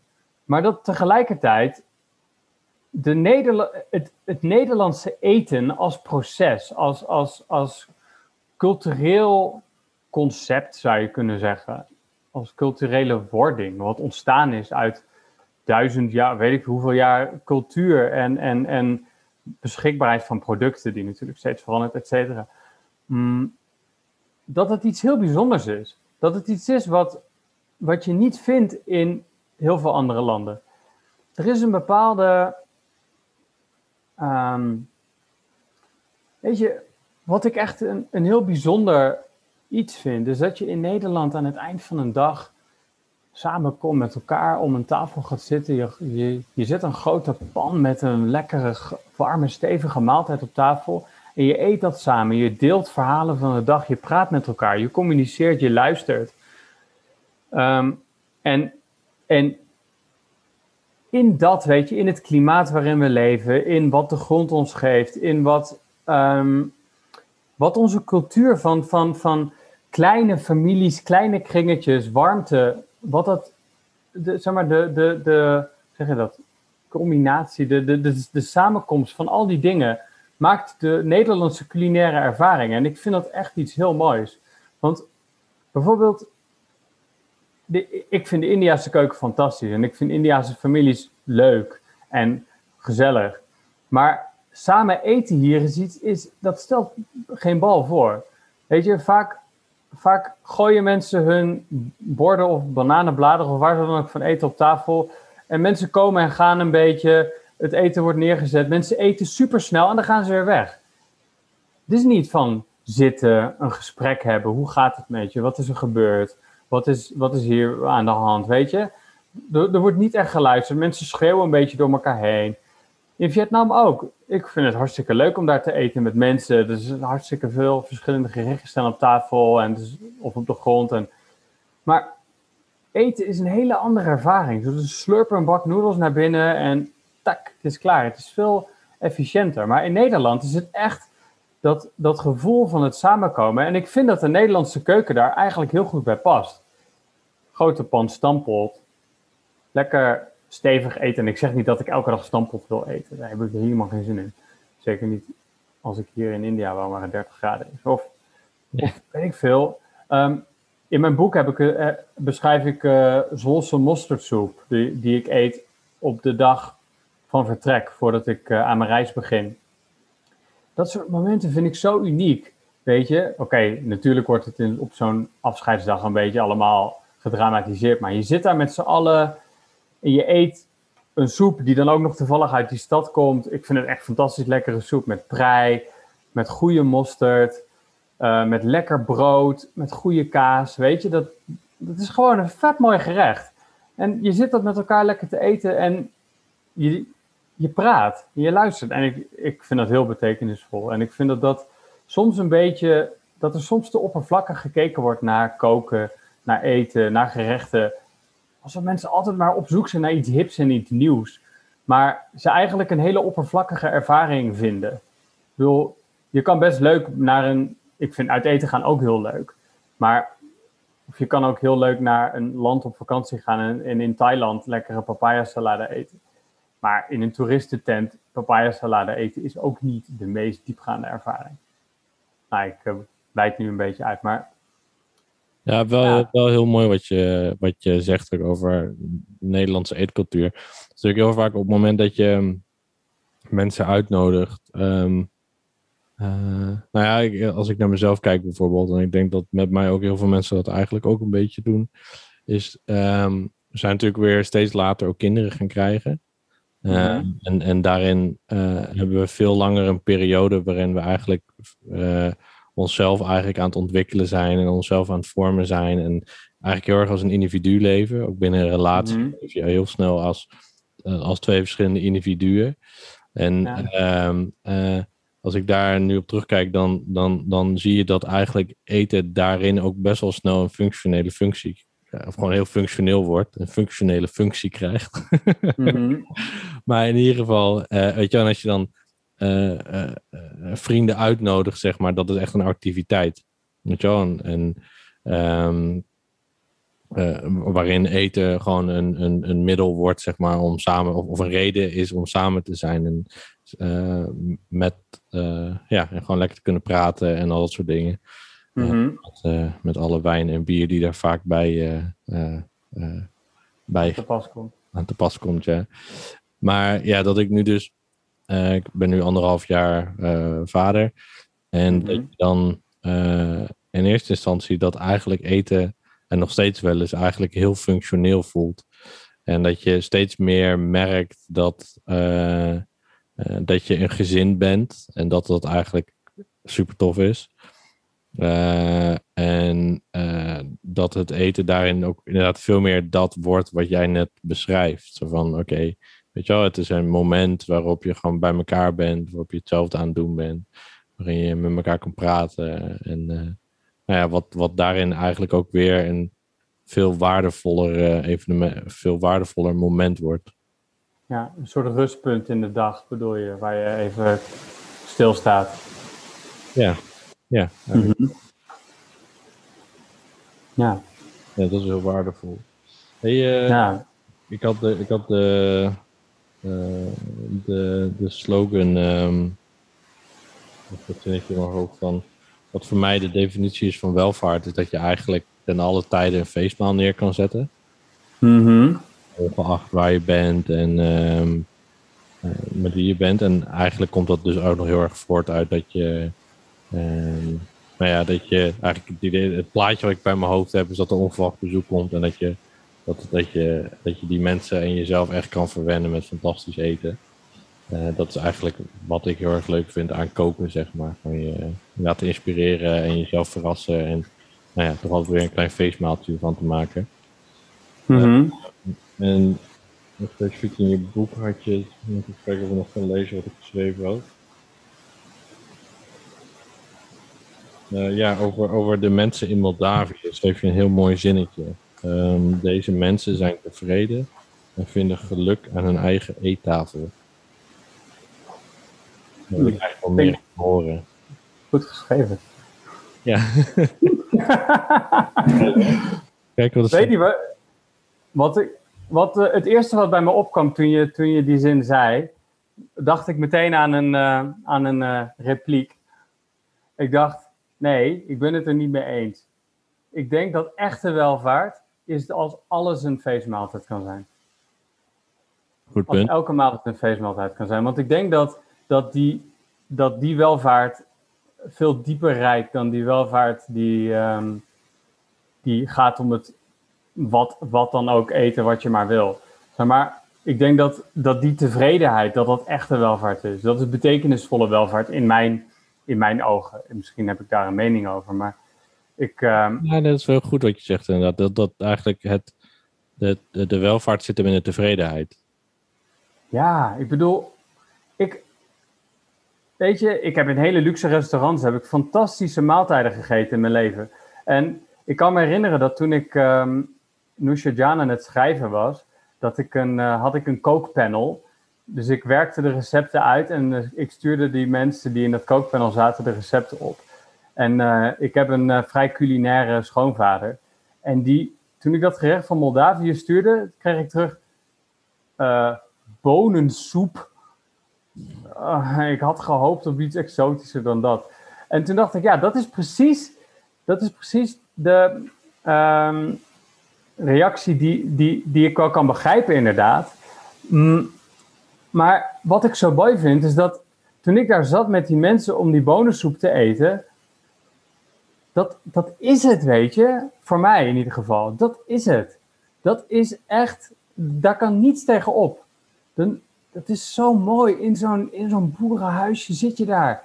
En die mensen die waren hartstikke trots. Ze, ze hadden een buitenlander op bezoek. Dat hadden ze nog nooit meegemaakt in dat dorpje. Ik was er op de fiets aankomen hobbelen. En die mensen die, die, die stonden daar. Hey.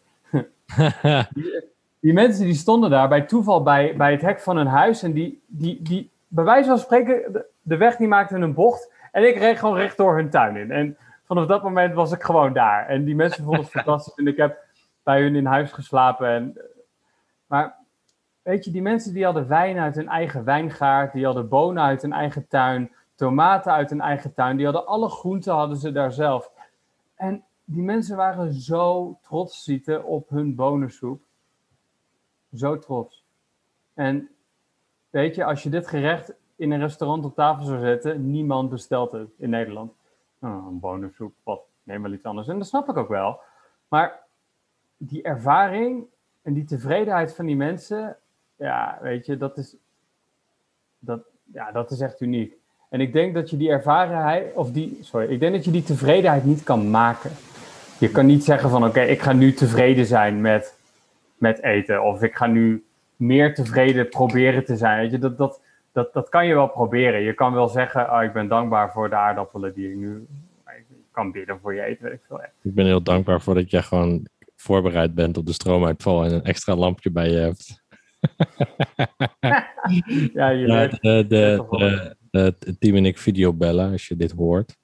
Ehm, en um, uh, de, uh, de stroom valt af en toe bij teamen uit. Dus dan kijk ik in één keer naar alleen maar uh, scherm van het licht wat op witte tanden schijnt en een klein beetje oogwit.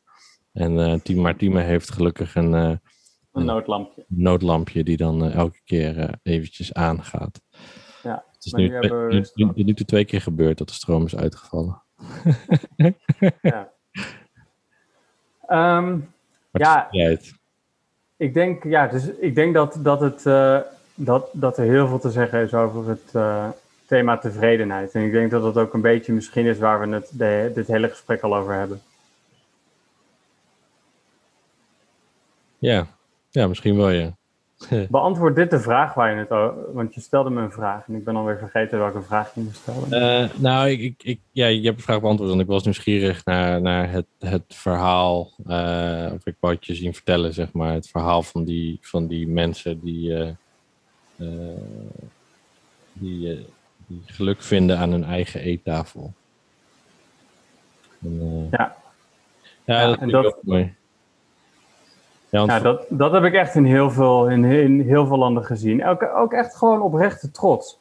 Van hé, hey, dit, dit komt hier vandaan en dit is, dit is het beste eten ter wereld. En die mensen zijn hartstikke overtuigd daarvan. En je kan het chauvinistisch en kortzichtig noemen, maar ik vind dat prachtig. Weet je, als mensen op zo'n manier, niet op een agressieve manier trots, van oh, wat jij eet is vies en wat wij eten is lekker. Mhm. Maar echt, echt gewoon tevreden en trots van nou dit hebben wij verbouwd en dit eten wij. En we hebben perfect geleerd hoe we dit op, op, op het best kunnen, kunnen maken met wat we hier hebben. En daar zijn we hartstikke tevreden mee.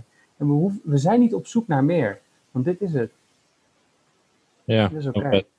ja, dat is natuurlijk sowieso natuurlijk een, um, een, uh, een, uh, een uitdaging als. Um, uh, nee, ik, denk, ik denk dat het een beetje voortvloeisel is, ook weer van het individualisme waar ik het net over had. Dat je jezelf ontwikkelt dat je daarin heel individualistisch bent. Ik zeg niet dat dat iets slechts is, maar meer uh, dat dat maakt ook dat je eigenlijk altijd op zoek bent naar steeds maar grotere dingen die je kan doen.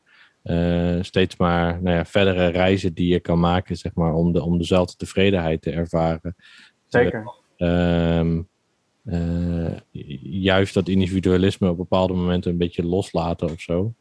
En uh, ook weer dichter bij huis en dichter bij jezelf kijken van waar, waar die tevredenheid, uh, uh, ja, waar die tevredenheid zit.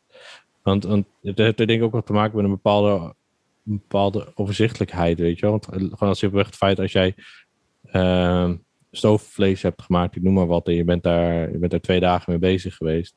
Ja, daar, daar ben je waarschijnlijk meer tevreden over of meer trots op of heb je meer passie voor dan dat stoofvleesje wat je in een uur in de pressure cooker uh, um, hebt gemaakt. Mm En de investering in iets wat je, uh, waarin je in kan investeren, zeg maar, dat, dat, dat is natuurlijk heel belonend. Zeker, ja. Tuurlijk. Tijd maken voor koken en lekker eten is natuurlijk ook zeker een bela belangrijke factor. En ook hoe je je gewoon voelt tijdens het eten. Weet je, als je, als je heel erg gestrest aan het koken bent, ja, dan ben je ook gestrest aan het eten. Dan ben je niet ineens niet meer gestrest. Als je heel snel allemaal aan een ding aan het doen bent, het is niet dat de snelheid dat per se, je kan ook snel en niet gestrest zijn en dan gewoon lekker eten en chill zijn. Maar ik denk dat vaker een soort doedrang achter het, af, het afmaken van dit gerecht. En ook in de kleine stapjes tijdens het koken, weet je. Kijk, begin met het uitje snijden en dan ben je al in je hoofd ben je al drie stappen verder. Wat op zich oké is, je moet een beetje vooruitkijken. Maar dat je daardoor een soort een soort gejaagdheid voelt om door te gaan. En ik denk dat, dat die gejaagdheid, eh, dat je die meeneemt naar de eettafel, snel je maaltijd eet of gedachteloos of aan het volgende denkend. En ik denk dat, dat, dat die mentaliteit in heel veel landen ter wereld gewoon nog wat minder ehm, heftig is dan, dan bij ons. Omdat, omdat ons leven gewoon zo snel is. Of ik bedoel meer jullie leven. Want ik zit hier in een land. Ik zeg niet dat ik die, die manier van denken niet heb hoor, maar het uh, ja, Ja, een maar factor natuurlijk. ik, ik denk dan dat je dat bedoelt meer een manier van denken. Dat je, dat je wat, wat, wat je ook zou kunnen doen, zeg maar, een beetje alsof je in een restaurant werkt. Dat, eh, oké, ik heb nu ik heb nu vijf dingen en die wil ik tegelijkertijd af hebben. Dat kan in één keer heel veel spanning en heel veel druk geven. Maar die kan ook heel bevredigend zijn. Zo van, oh, weet je wel, dan is het gelukt. En. Ehm, ehm, maar ik denk wat jij meer bedoelt is meer van dat je, dat je eh, het, eet, het eten maken ziet als een, als een moedje. En je mag pas tevreden zijn als het klaar is. Precies. Ja, Ja. terwijl er een heel proces is. En er is geen reden om niet tijdens het proces ook tevreden met iets te zijn. Maar ja, weet je, je kan niet zeggen: oké, ik ga nu tevreden een ui snijden. Of ik ga nu expres heel mindful deze knoflook bletten. En Ja, dan ben ik, voel ik de tevredenheid van het universum. Ja, dat, dat, dat, dat vind ik ook eh, een beetje onzin. Maar ja. Het, het zijn wel factoren die allemaal de smaak bepalen. En die, die denk ik vaak belangrijker zijn. Ik bedoel, je kan, je kan een hele fancy eh noedelmaaltijd laten bezorgen. En die heel snel opeten. Nou, niet dat noedels heel fancy zijn. Dat was het eerste wat bij me opkwam. Misschien kan je een broodje caviar bestellen. en dat in twee minuten opeten, omdat je geen tijd hebt. Ik denk niet dat je dan heel tevreden gaat zijn met wat je gehad hebt. Het is Nee. meer een soort kick. Of, oh, takeaway oesters. Oké, wow, vet. Let's go. heb je, heb je- hele korte... Ja. nee, ja, ik was gewoon nieuwsgierig of jij, en, na alles wat je hebt meegemaakt, een beetje het, het ge- gevoel hebt dat je de, de tevredenheid vast kan houden. Nou, ik denk dat een mens inherent niet in staat is om tevredenheid vast te houden. en als je het probeert, lukt het al helemaal niet. Nee, dan ben je daar weer niet tevreden over. Ja, nee, ik denk dat dat, ik denk dat, dat, dat, dat een hele andere league is. Maar ik weet, ja, weet je wat ik wel merk is dat mijn leven wat vertraagd is. Dus dat ik wat meer tijd heb voor dingen. En ehm, ja, dus dat het wel misschien daardoor dat ik iets meer ruimte heb om überhaupt misschien te luisteren naar het feit, naar, naar, naar of er misschien dat die tevredenheid is of niet. Of dat misschien af en toe er iets meer. Ja, ik denk dat je ruimte moet maken voor tevredenheid. Ik denk dat als je, als je, als je altijd met het volgende bezig bent, dat die tevredenheid nooit kan komen. Want die tevredenheid zit niet in plannen en doen en straks en dat soort dingen. Die tevredenheid is zo, simpel en on, ontastbaar, onnoembaar misschien zelfs bijna. Dat, dat, dat, het, dat het iets is waar je misschien een stapje voor opzij moet zetten. Snap je wat ik bedoel? Ja, en, en het, eh, maar terwijl je het zegt, moet ik aan iets anders denken, wat ik eerst even terugkoppel. En dat is dan dat, het doet me heel erg denken aan ook weer waar waar ik het begin van het gesprek ook over had. Onze, als wij dan samen gingen koken en praten, zeg maar. Door, doordat we op die manier aan het koken waren, was, eh, was je eigenlijk altijd tevreden. Want het koken had niet per se het doel van het eten moet af zijn. Maar het koken was ook gewoon het moment waarop je gewoon lekker met elkaar aan het ouwe hoeren was. En gewoon een tof gesprek had. En dan op een gegeven moment Mhm. het. Ja, en niet alleen dat. Ik had ook het gevoel dat, we, dat, dat het vaak gewoon twee, twee gasten om een pan heen was. En dan ontstond er weer, ah, laten we dit doen. Ja. Ah, oké, oh vet, laten we dat doen. Ik weet niet, ik weet nog een keer dat we, dat niet dat het nou het meest fantastische gerecht ooit ter wereld was, maar dat we een keer spruitjes hadden gekocht. En dat we dachten van, ah, laten we, wat gaan we met die spruitjes doen? Oké, laten we gewoon in de pan flikken. We gaan ze roerbakken. Ah, vet, we gaan ze roerbakken. Oké, en dan was er waarschijnlijk wat kruiden aan toegevoegd, weet ik veel wat. Hadden ze geroerbakt en dachten, ah, laten we er nu vet veel parmezaanse kaas overheen gooien. Hadden we parmezaanse kaas overheen gegooid. Ik dacht echt, wat is dit nou weer? Geroerbakte spruitjes met parmezaanse kaas gemaakt. Dat is vet lekker. En dacht ik even van, nou, dat zouden we van tevoren nooit bedacht hebben. We zouden niet van tevoren gedacht hebben, oké, we gaan nu spruitjes kopen en dan gaan we dat op die manier maken en dan gaan we er parmezaanse kaas overheen gooien. En dat gaat niet eens om, om het resultaat, maar we waren tijdens het, tijdens het gerecht waren we open, omdat we gewoon zoiets hadden van, nou, we zien wel wat er gebeurt. En we kijken wel wat er in de koelkast staan en dat, dat, daar maken we wel iets van. En we waren allebei niet, we hadden niet een plan. We hadden niet een bepaald eindidee of zo. En, en dat maakte dat het een heel speels en leuke activiteit werd. Waarin inderdaad, zoals je zegt, de tevredenheid al door de handelingen heen zijpelde. Omdat er geen plan was. Er was gewoon alleen maar, we zijn op dit moment nu dit aan het doen. We zijn gewoon aan het praten en om de pan aan het heen staan. En als er iets gebeurt, dan gebeurt het op het moment dat het gebeurt. En niet omdat wij willen dat het gebeurt. Ja, ja, ja. Ik denk dat dat heel bepalend is geweest uiteindelijk. Ja, of, of we elkaar daarin gevonden hebben of dat het voor mij daar begonnen is, dat weet ik dan niet. Maar eigenlijk is dat wel altijd hoe ik, uh, nou ja, hoe, hoe ik mezelf ontwikkeld heb in de keuken. Op die manier uh, te koken. En daardoor is koken voor mij altijd heel ontspannen geweest. En uh, ja. Um, ja, juist ook even ja, gewoon een moment van ontspanning op de dag. En nou ja, ik moet, oh ja, en ik moest laatst voor mijn vriendin die, um, uh, die, die noemde even dat ik soms daardoor soms ook heel onvoorspelbaar ben wat we dan eten. Want dan vraagt ze wat gaan avond eten en dan zeg ik, nou ja, ik zat aan pasta te denken en dan terwijl ik met de pasta saus bezig ben, bedenk ik van, nee, wacht even, ik kan hier ook hele lekkere wraps van maken en dan vervolgens uh, staan er wraps op tafel. Uh, en dat is voor mij heel ontspannen. En, en, maar ja, voor de mensen om me heen moet ik daar soms even rekening mee houden. Of misschien een beetje op voorbereiden. Maar uh, nee, ik, ik denk dat die, die, momenten voor mij heel, uh, heel, heel bepalend zijn geweest. Ja, nou, ik, denk, ik denk voor mij ook wel op, op een manier dat, dat het wel ook aangaf dat ik toen ook al wel echt op zoek was naar een soort van um, betekenis en soort van oprechte creativiteit. Of, of, of, of, of gewoon het, het soort van, nou laat ik het het wonder van creatie noemen. Maar het, het is wel echt iets heel moois als je dat op die manier kan, kan, kan beleven, het koken. En ik snap wel dat het soms, dat je, dat je soms wat meer en soms wat minder die spontaniteit in je hebt. Maar dat is wel echt iets heel moois. Ik denk dat het, uh, dat het bijzonder is, want ik denk dat koken...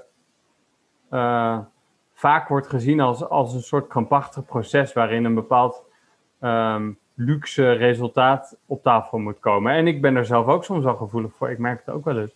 Dat ik, de, dat ik meega in die, die neiging die in mezelf zit. Ik geef niemand anders daar de schuld van. Maar dat dat, dat toch, ja, toch wel een beetje gebeurt. Dat ik een bepaalde verwachting ook bij mezelf heb. Dat ik zie, oké, ik heb deze producten in mijn koelkast. Ah, dan ga ik misschien iets opzoeken of dan ga ik een bepaald idee vormen en dan ga ik dat maken. En dat verandert tijdens het koken vaak wel, afhankelijk van hoe chill ik ben. Maar ja, inderdaad, er zit, er zit zoveel potentieel in het gewoon niet plannen en het gewoon kijken wat er een beetje uitkomt. Dat is wel echt, uh, dat, ja, dat, dat vind ik wel echt een heel mooi concept van jou. Hey, je woont nu in India op een boerderij in een mm ja. Als jij eten gaat maken, hoe ziet dat er nu bij jou uit? Ja, dat verschilt echt elke dag. Ehm, ik eet veel gewoon rijst met groenten. Ehm, op alle tigduizend manieren die uh, vooral India uh, biedt. Um, ja, ik, ik, ik heb alle denkbare kruiden in huis. Die je gewoon hier in het dorp vers kunt kopen. Omdat de kruiden hier uh, geproduceerd worden. En ja, weet je, je krijgt een soort, een soort gevoel voor die kruiden. Dus het wordt echt een, echt een, een, een, spelen met kruiden. En je leert om verschillende ja, gravies noemen ze dat. Hoe zeg je dat? Dus, sauzen zou je kunnen zeggen. Uh, kunt maken. Dus soms wil je een, wil je een, een wat zwaardere curry en dan maak je een, uh, een blend van cashewnoten of uh, soms kokosnoot. Met tomaten bijvoorbeeld en allerlei specerijen. En dan voeg je dat toe aan de gebakken groenten. En dan eet je dat met rijst en met allemaal specerijen. En dan heb je in no time echt de meest fantastische gerechten op tafel staan. Soms maak ik eigen brood, bak ik je chapatis in de pan. Um, soms maak ik mijn eigen paneer van de melk die we bij de uh, koeien van de buurman weghalen. Mm. Ja, ik maak hier ook mijn eigen chocola. En dus wel, ja, ik, ik heb hier ook een vrij grote eigen moestuin. We hebben net een uh, enorme tomatenoogst gehad. Echt honderden tomaten. En ik heb nu uh, tientallen aubergines die aan de struik, denk ik, hangen. En um, ja, ik verbouw vrij veel dingen zelf. En um, ja, we krijgen nu dus, waar ik, wat ik net al uh, spoorlings noemde, we krijgen nu dus biologische groenten van vrouwelijke boeren hier uit de omgeving. En dat vind ik ook wel chill. Dus we hebben heel veel lokale, lokale producten. Ja, want je, je ziet nu um, in ieder geval in westerse landen en dan um, ja, Duitsland is volgens mij wordt, wordt, heel veel aan gedaan, maar nou, heel veel informatie komt volgens mij uit Amerika, omdat nou, natuurlijk Engels uh, uh, communiceert makkelijk. Um. Wordt nu hier in Europa en Amerika wordt er heel erg gekeken naar andere vormen van landbouwen, omdat we nou ja, toch een beetje achterkomen dat we de, de grond nu sneller uitputten dan dat mm -hmm. de zelf kan regenereren. Ja. Um, nou ja, we komen ook terug van, uh, van uh, in ieder geval te veel pesticidengebruik. En uh, mm -hmm. um, nou ja, dat, dat kunstmest ook negatieve gevolgen heeft en al dat soort dingen. Maar in een eerder, of eerder had jij het over het pesticidengebruik in India en in Zuidoost-Azië.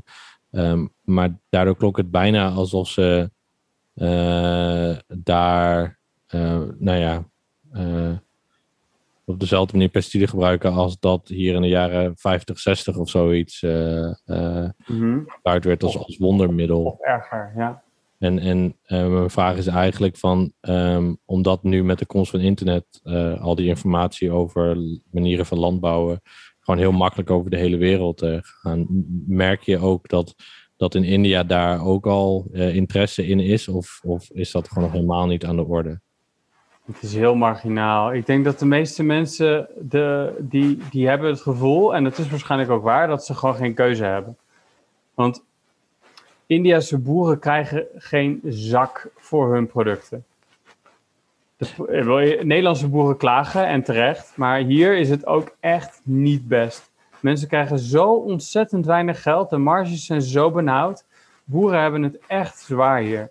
Echt zwaar. En hier, waar ik woon, is een plantagegebied waar wat relatief, dus dat noemen ze cash crops, waar re relatief hoog uh, lucratieve goederen worden verkocht. Maar zelfs hier, weet je, die mensen verdienen een keer 1000 euro met een hele koffieplantage in een jaar.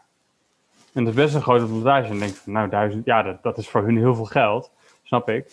Maar de meeste boeren die verdienen echt niets en die hebben absoluut geen keuze. Dus die kunnen niet zeggen, we gaan nu overstappen op biologisch. En weet je, die, die, die, die zien dat niet. En er is ook geen markt. Want de consumenten kunnen het ook niet betalen. Dat is het probleem. Niemand, in, in Nederland is biologische uh, groente ook heel duur. Hier ook. Mensen gaan, het kost hier misschien maar twee keer zoveel. Nederland misschien nog wel een veelvoud. Maar mensen kunnen dat echt niet betalen. Dus dat, dat is, daar houdt het op. Mensen weten wel wat voor shit ze in, in, in hun uh, grond gooien. Dus er is ook wel veel onwetendheid. Dat is, dat is zeker waar. Maar er is ook geen ruimte voor discussie. Want in 99% van de gevallen is er gewoon geen ruimte voor ja, er zijn wel projecten gaande, maar dat is echt, dat is echt marginaal. Ja.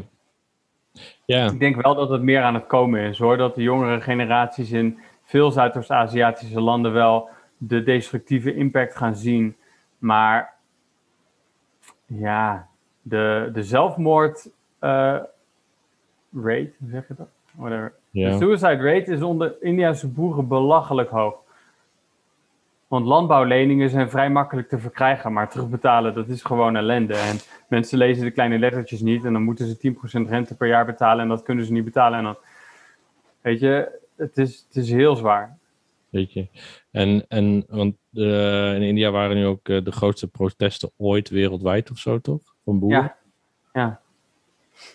Uh, ja, dat heeft te maken met grote corporaties die, die, die het land gaan. Ik, ik weet het eigenlijk niet eens heel precies, maar heeft in ieder geval te maken met uh, grote corporaties. En ja, boeren krijgen al niks en dan krijgen ze nog minder. Oké. Maar ik heb er niet, ik, ik, heb er niet heel erg in gelezen eigenlijk. En dan zal ik je er verder geen vragen over stellen. Dank je. Um, Ja, nog, nog iets anders. Want uh, we leven nu natuurlijk in een tijd met, uh, met, uh, met de pandemie en al dat soort dingen. En, en gezondheid ehm, is in één keer ook een heel hip onderwerp. Dus dat je, nou ja, als je gezonder bent, dan heb je minder last van het een en ander wat op je pad komt. Als wanneer je minder gezond bent. Mm En nu hoorde ik dat in India dat dat mensen minder last van griepjes en al dat soort dingen hadden, omdat ze zoveel kurkuma aten. Ja, ja. ik, ik, ga, ik, ik vind het moeilijk om het te weerspreken. Ik kan het ook niet onderschrijven, maar de, ja, weet je, er zijn wel. Ik weet het niet. Ik weet, ik, ik weet niet zo heel veel wetenschappelijk over kurkuma. Ik heb er nooit echt uh, diepe studies over gelezen, maar het is wel iets wat altijd terugkomt. En als ik, hier, als ik hier een wondje heb, als ik hier ziek ben, wat dan ook, curcuma wordt overal voor gebruikt. En mensen zweren daarbij. En ja, wie ben ik om te zeggen dat het niet werkt? Ik weet het niet. Maar ja, ik bedoel, waarom niet? Weet je, natuurlijke, ik bedoel, heel veel geneesmiddelen komen voort uit natuurlijke middelen. Dus waarom zou curcuma er niet één van zijn? Ja. Ik zou niet kunnen zeggen dat het niet waar is, maar ik, ik weet het ook niet zeker. Nee, het is sowieso natuurlijk wel grappig, want in, in uh, het Westen zijn we nu soort van wereldwijd aan het shoppen naar alle superfoods uh, en super mm dingen. ja.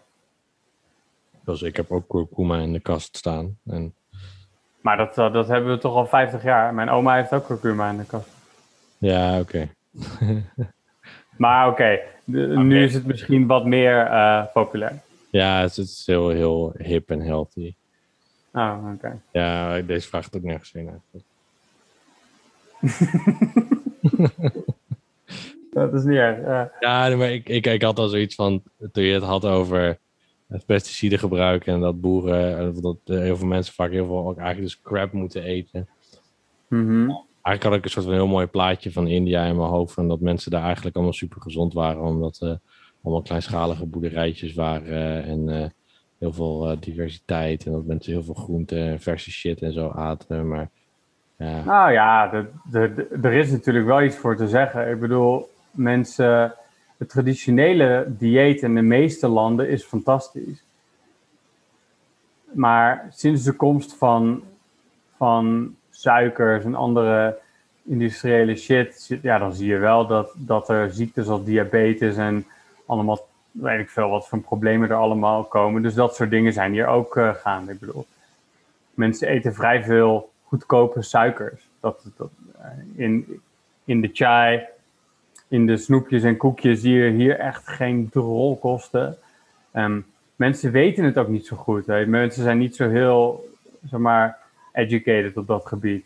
Maar de mensen die het traditionele dieet eten en gewoon hun werk doen. Zoals bijvoorbeeld hier. Ik heb een, uh, de vader van mijn huisbaas, die is denk ik 88 jaar of zo.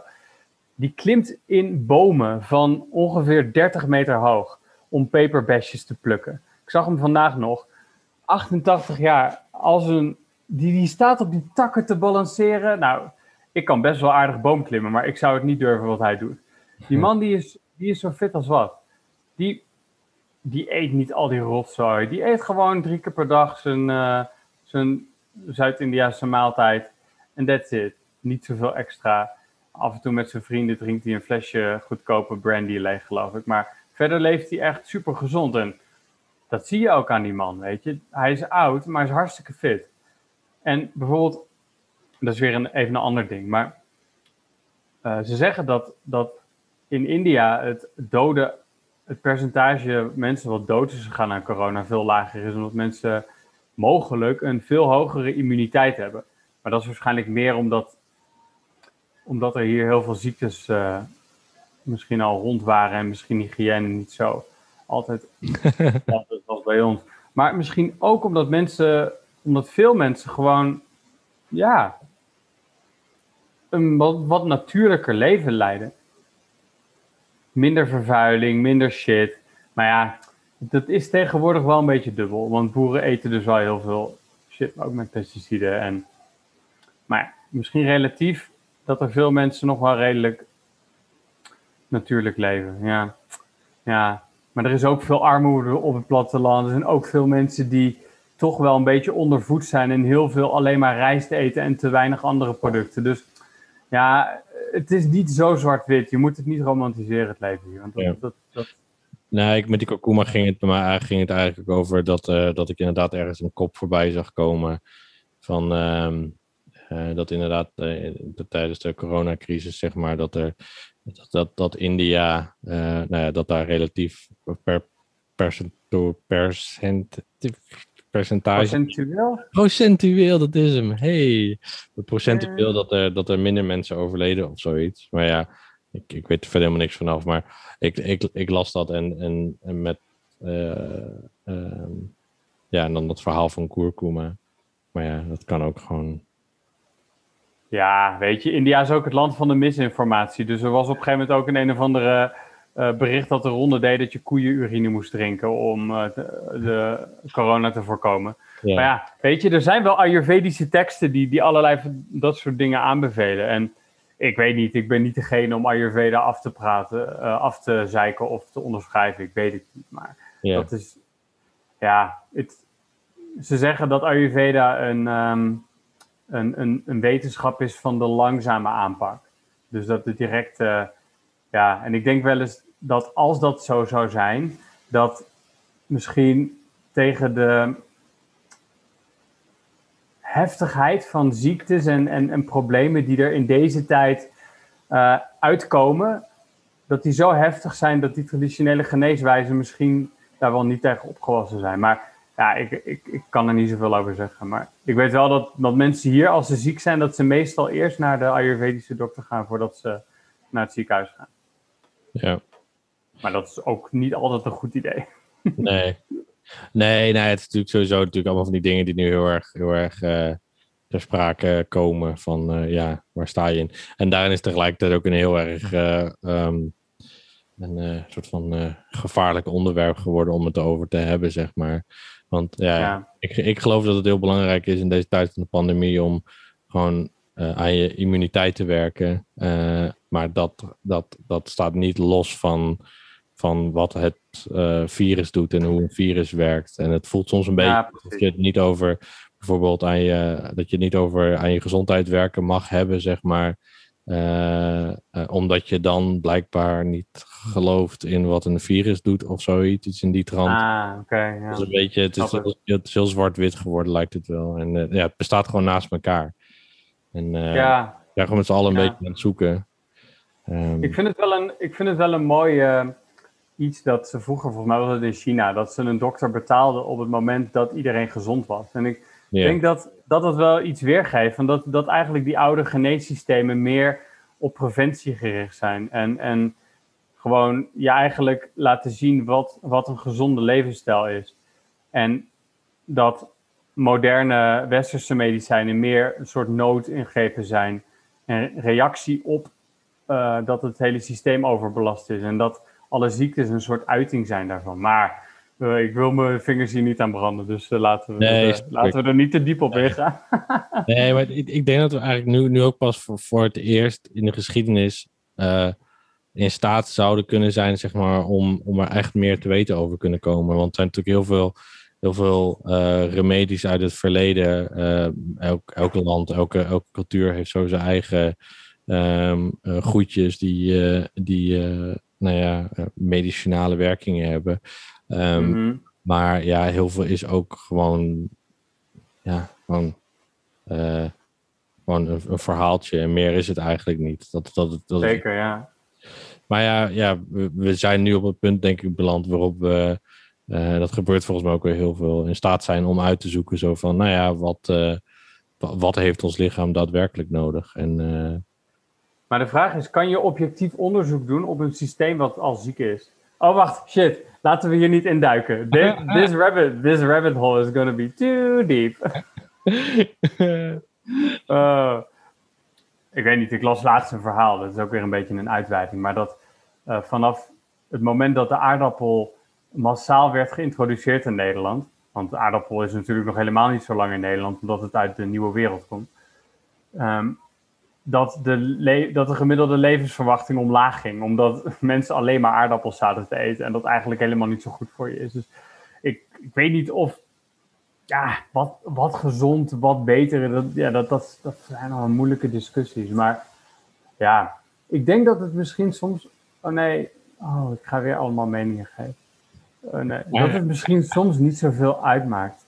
Dat je, Nee, ik, ik denk dat je... gewoon, gewoon eten, normaal eten. Eet wat er is daar. En zorg natuurlijk dat je genoeg groente en genoeg fruit eet. Maar mm, welke, welke supervrucht, meer, me- meer vitamine, dit of B, Ja. dat of weet ik veel. Eh, Het interesseert me geen zak. En ik denk dat je er niet echt daadwerkelijk gezonder van gaat worden. Want de stress die je hebt van het zoeken naar al die producten en de stress, nou ja, whatever. Gaan Nee, maar ik- allemaal ik- rabbit holes in. Maar... want ik heb ook ehm, een paar jaar geleden, toen kwam ik tot, tot de ontdekking dat ik, eh, ik was eigenlijk altijd allerlei verschillende diëten aan het proberen. En ik ging ook helemaal mee in al, elke nieuwe superfood die er was. Nou ja, dat kocht ik in en dat ging ik tot meenemen. En eh, eh, totdat ik erachter kwam dat ik het gewoon om de verkeerde reden deed. Ik deed het eigenlijk gewoon omdat ik al constant bang was om ziek te zijn. Weet je wel, ik had Hmm. wat dingen in mijn privé-omgeving meegemaakt, zeg maar. En nou ja, iemand eh, van heel, die, die dichtbij, die had dus eh, kanker en die is daaraan overleden. En sindsdien was ik eigenlijk bang dat ik altijd een soort van verborgen ziektes had of zoiets, weet je wel. Mm, ja, ja, Nou ja, ja. Dat kan natuurlijk, maar, maar in ieder geval dat was de reden dat ik allerlei, allerlei dingen ging proberen. En ik heb me nou ja, jarenlang niet gezond gevoeld, tot, totdat ik dat inzicht had en gewoon een jaar lang gewoon alleen maar ben gaan vreten waar ik zin had. We aten elke avond een zak chips en een reep chocola op en dan ging vaak nog een fles wijn bij naar binnen. Ehm, ik heb me Gewoon als een soort van tegenbeweging eigenlijk. Van, ja, want als je, als, je, als je tegen jezelf zegt van oké, ik, ik, ik moet dit eten om gezond te worden. Eigenlijk wat je tegen jezelf zegt, ik ben ongezond. En ik geloof wel dat precies. dat, dat heel, eh, eh, heel krachtig is, zeg maar. Want als je tegen jezelf zegt dat je niet gezond bent, dat je je ook ongezond gaat voelen. Mhm. Ja, Ja, en of Ja. je ook daadwerkelijk, je kan gewoon kerngezond zijn natuurlijk, maar eh, je, je niet zo voelen. Ehm, maar Ja, en ik denk dat, ik denk dat als je. Dat als je. Dat als de bodem, zeg maar, tevreden is.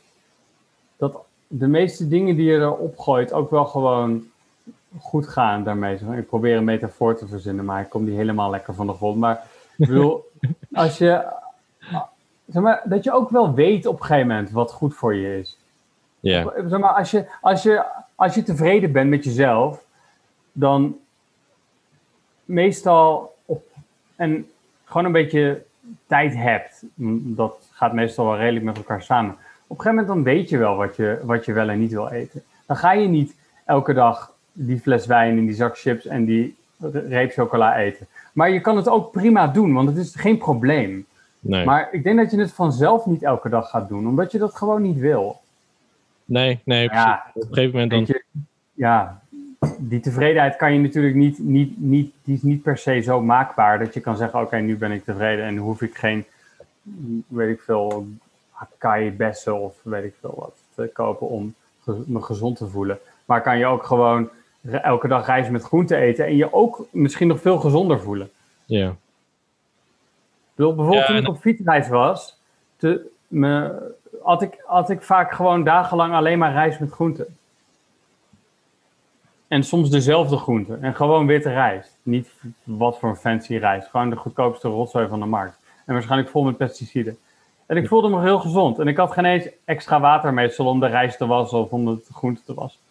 ja, hygiëne was ook niet altijd fantastisch. Maar ik voelde me kerngezond.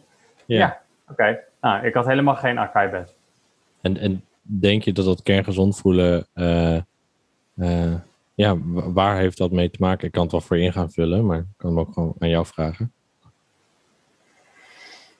Ja, ik, ik denk dat als je geestelijk gezond bent en je, dat je vanzelf de goede keuzes gaat maken voor wat, je, voor wat je wil eten. En dat je vanzelf ook dan, ja, hoe, hoe, hoe, hoe gezonder, je, hoe, hoe geestelijk gezonder slash tevreden je voelt. Hoe, ik denk dat, dat dat het begin is van alles.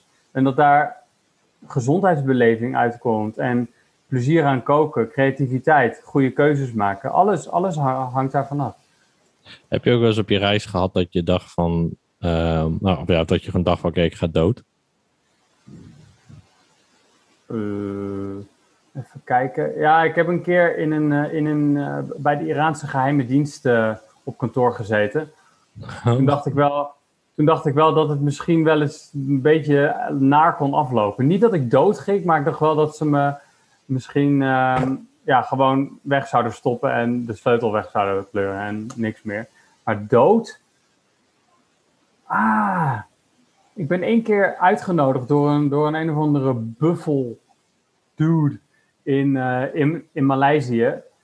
En de lokale politie en de lokale kaartspelers langs de weg, die zeiden... Ah, no problem, no problem, good man, good man. Goeie vent. Dus ik met die man mee. En toen ging de deur dicht en er zaten alleen maar tralies. En alle ramen zaten ook tralies voor. Dat is vrij normaal in die landen. Maar de deur was op slot. En op een gegeven moment maakte hij duidelijk dat hij het wel leuk zou vinden om aan me te zitten, zeg maar. Die man die was zo groot. Zijn armen waren ongeveer even dik als mijn hoofd. En nou ja, goed, het was een lang verhaal. Uiteindelijk is er niks gebeurd, maar het was, dat was wel echt een extreem onprettige ervaring. Ja, Ja. ik kan me voorstellen. Maar heb je... Maar verder was het ook. Je? Verder, verder eigenlijk niet zo vaak. In 2,5 jaar tijd, plus nog anderhalf jaar van Vietnam naar India gefietst. In totaal vier jaar op reis geweest en me overgeleverd geweest aan de goedheid van andere mensen of de kwaadheid van andere mensen. Heb ik echt zo weinig ellende meegemaakt.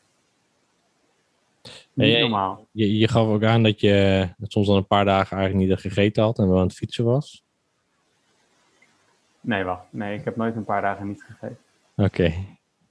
Dat Nee. je eten op was of zoiets, omdat je niet ging slapen, omdat je geen eten had. Of dat je... Heb ik dat gezegd? Dan heb ik Ja, ik- zeker, Ik heb ik zitten liggen. ik dacht dat ik dat oppikte bij je verhaal over in Kirgizië. Of zoiets. Al, al één keer, ja, in Oezbekistan, toen ik op dat eh, modderpaadje ver- verdwaald was. Toen had ik geen eten en toen was mijn benzinebrander leeg. En toen probeerde ik een vuurtje te maken om een beetje noedels of zo wat ik had te koken. En dat vuurtje ging de hele tijd uit en het, wa- en het was nat en toen was ik te moe en ik was ook een beetje misselijk van de inspanning. En toen ben ik zonder eten naar bed. Zijn er nog dingen eh, die je ook nog leuk lijken om het over te hebben? Ja, ja ik denk dat, dat, dat bijvoorbeeld als je een soort rode draad zou moeten trekken door al die ervaringen, denk ik dat het wel echt, dat er toch in elk land met een andere twist diezelfde huiselijkheid, dat ik die ervaren heb. En dat is eigenlijk ook het grote doel van mijn reis. Dat ik gewoon overal ter wereld het normale leven wilde ervaren. En gewoon met, met normale mensen in normale huizen hun dagelijkse eten wilde proeven en, en dat mee wilde maken en dat wilde zien, omdat ik altijd het gevoel had dat, dat ik de wereld pas echt kon begrijpen als ik dat had gezien.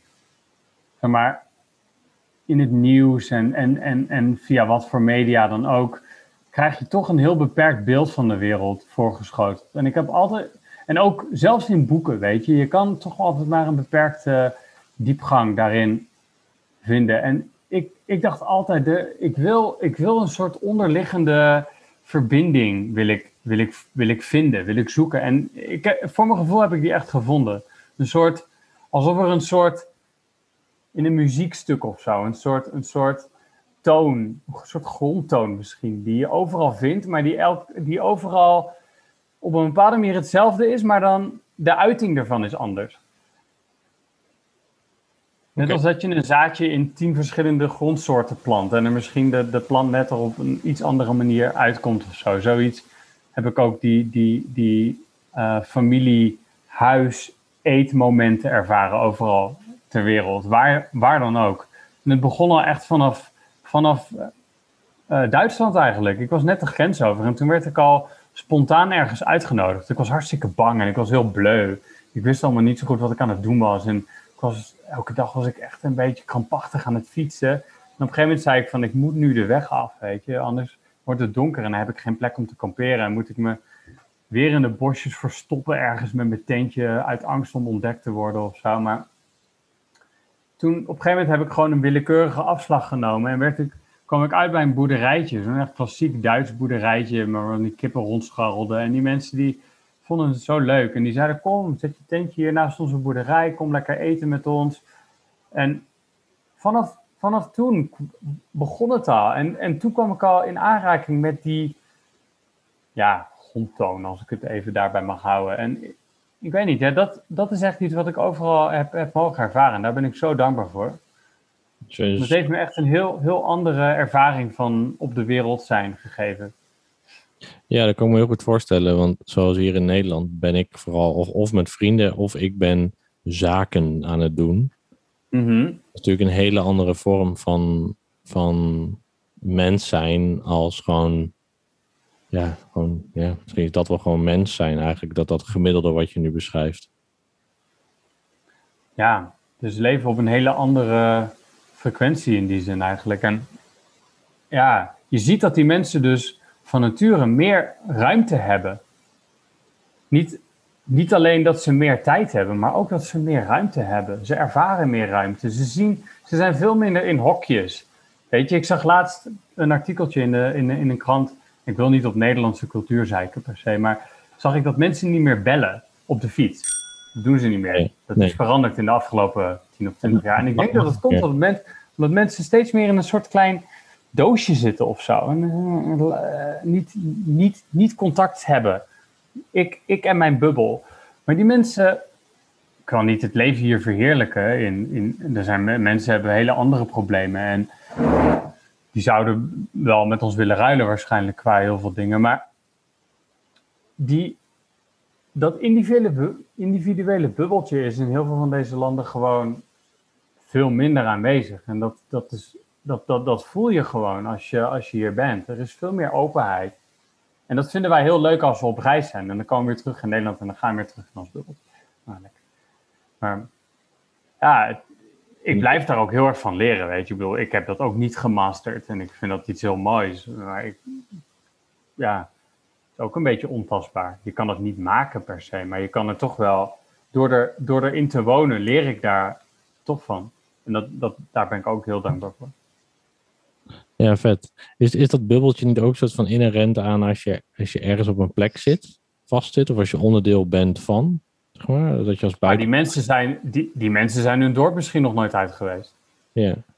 Die zijn nog nooit buiten hun staat geweest. Die, als je, als je zijn altijd daar. Als jij als, als soort van duidelijk anders uitziend persoon, zeg maar, daar binnenkomt, dat dat... Uh...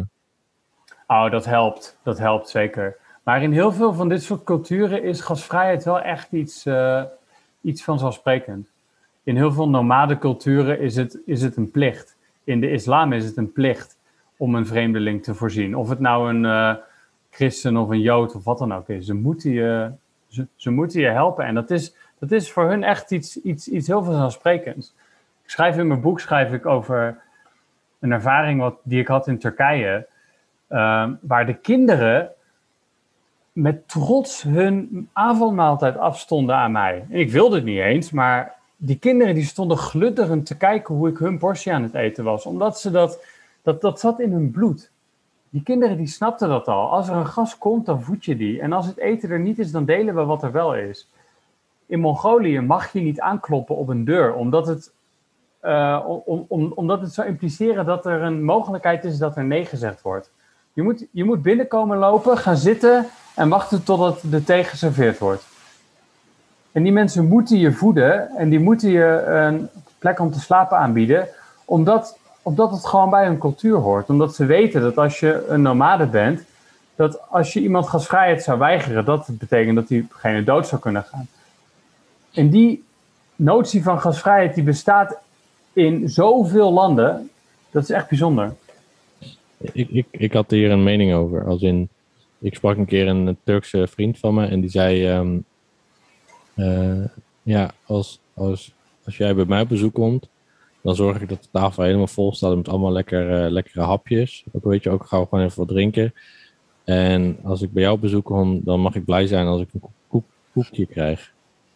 En uh, door wat jij nu zegt, kijk ik daar op een hele andere manier naar. Ja, of deels. Dus, dus dubbel. Want aan de ene kant, volgens mij komt ook het Nederlanders een soort van heel erg zaken georiënteerd of zoiets. Ja, in ieder geval, dat maak ik er nu van. Eh, en daarin is het zo van, oké, als ik jou heel veel eten geef, dan, eh, dan ben je mij, of dan voelt het voor jou alsof je mij ook heel veel eten verschuldigd bent. Dus als ik jou nou gewoon heel weinig geef, dan hoef ik ook niks terug van jou. Ja, Dat, dat, is wel een- goed. Ik dat is wel een leuke manier om er naar te kijken. Ik denk inderdaad dat wat je zegt, dat het niet zo zwart-wit is. Maar hoe, hoe ik het ook wel ervaren heb, is dat ehm, eh, gasvrijheid ver, verlenen aan niemand, of je er nou iets direct terug voor krijgt of niet. Want bij mij was het altijd duidelijk dat er nooit iets voor terug zou komen, omdat ik hartstikke smerig was vaak. En ik was al duidelijk dat ik, dat ik niet zo rijk was. Maar ehm, Nederlandse cultuur is heel egalitair, heel, heel gelijkwaardig. En ik denk dat uit een gelijkwaardige, uit die gelijkwaardigheid ook vaak een soort, ja, doe maar normaal, weet je. Je hoeft, je hoeft iemand niet in een watten te leggen. Je hoeft niet iemand te verheffen. Want we zijn gewoon chill, we zijn gewoon gelijk. En, maar, maar hier zetten ze je vaak gra- graag, ehm, vaak graag op een voetstuk. En dat is ook een soort sociaal dingetje van, oké, jij bent daar. En als je iemand op een voetstuk zet, dan, dan creëer je ook automatisch een soort veilige afstand. Dus er Ja. zit ook wel wat meer achter dan dat, weet je. Het is, het is vaak ook wel, dat is vooral hier in India wel duidelijk te zien vaak. Dat ze je vaak op een soort voetstuk zetten. Oh, super, ja, jee, jij krijgt wel het lekker eten en we maken er een feestje van. En dan, ja, weet je, dan om het allemaal een beetje wat meer op te leuken of zo. Terwijl in Nederland denk je van, nou, doe maar gewoon normaal. En, Ja. dat, en dat heeft ook zijn waarde. Want in Nederland mag je helpen met de afwas doen, wat heel leuk is. Ja, ik vind dat, ik vind dat iets leuks. ik vind dat leuk, want, want in Nederland mag je gewoon jezelf zijn. Mag je gewoon gelijkwaardig zijn. Mag je gewoon... Hier, in Nederland hoef je niet op te zitten, meestal. In veel mindere mate. In India moet je vaak opzitten. En is het soms een beetje een toneelstukje. Over en weer. Ik, ik speel... Ik, opzitten, zo van netjes. Oh, Oké, oké, ik speel de blije gast en jij speelt de gulle gever. En ik zeg de hele tijd, oh bedankt, oh je eten is zo lekker. Oh, het is allemaal een beetje, weet je, er zit een bepaald laagje overheen. Terwijl in Nederland het veel, Ja, ze eten het niet te vreten natuurlijk. wat zeg je? Ik maak een grapje. Ik suggereer dat Indiaanse eten niet tevreden dat is. je het allemaal heel vies vond. Nee, het is wel tevreden, te, tevreden, maar je moet er de hele tijd, uh, weet niet, het is, Ja. het is een beetje, uh, maar ik bedoel, in Nederland moet je ook zeggen dat het eten lekker was, ook al vind je maar, het, het, het, is iets, iets meer normaal. Ga maar gewoon zitten, doe maar gewoon, weet ik veel, je hoeft niet per se iets speciaals aan te hebben of zo, gewoon, gewoon lekker normaal. Dus, en dat kan ik ook, ook wel echt waarderen aan Nederlandse culinaire cultuur, is dat het gewoon lekker huiselijk, maar ook oprecht. Het heeft een hele hoge oprechtheid. Ik bedoel, hier ga ik niet met mijn buurman praten over het leven tijdens het eten. Omdat ik toch ook vaak een beetje in die positie van gast geduwd word. En een beetje, ja, snap je wat ik bedoel? Maar wordt er wel gepraat tijdens het eten? Of? Jawel, maar niet, niet van we stoppen nu even met eten om een goed gesprek te hebben. Meer lekker opeten en dan weer de volgende en dan weer. Ja, oké. Ik denk dat sowieso Nederlanders houden van een goed gesprek. Dat dat een best wel cultureel iets is. Ja? Ik zeg niet dat Indiërs geen goed gesprek met elkaar kunnen hebben, maar het is, het is heel anders. Het, zit, het zit bij ons veel meer in de cultuur. Als ik, als ik denk aan vriendschap, dan is, dan is het, het ding wat een goede vriendschap definieert, is dat je een goed gesprek met iemand kan hebben.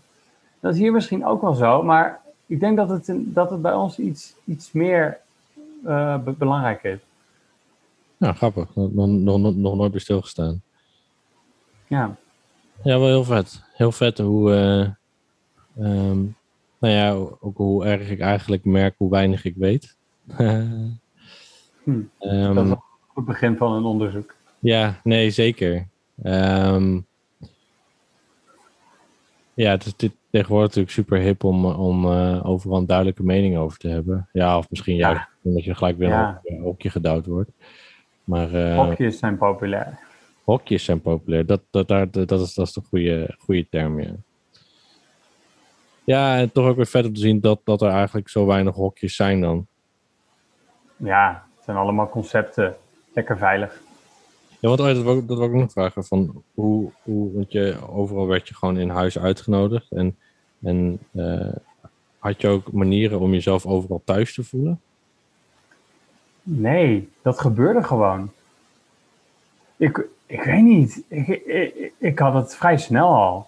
Dat ik gewoon me gewoon op mijn gemak voelde ergens. Ja, ik weet niet of dat, of dat, of dat in mij zit. Of dat het, het zal wel een combinatie zijn van, van oprecht welkom zijn. En, en dat het ook gewoon oké is. En ja, ik weet niet. Dat ik het ook wel gewoon kon accepteren. Maar ik heb wel echt leren ontvangen. En dat, heb ik, dat vind ik een hele mooie les. Ja, vet. Ja. Leren om, om, om je niet schuldig te voelen om, het van, om, om, om iets te krijgen. Ja, vet. Heel vet. Ja. Ja, ja man, ik, eh, we hebben nu bijna twee uur gepraat. Volgens mij. Uh, Anderhalf, twee uur, denk ik. nice. Is het niet rand? Ik ben de tijd vergeten. Ehm, ja, ja heel, heel vet. Thanks. Ja, jij ook bedankt. Vond het dat leuk. ik, eh, dat ik je goed ken, dacht ik. Heb ik je nu beter leren kennen. In ieder geval beter, beter gehoord over, over je reis.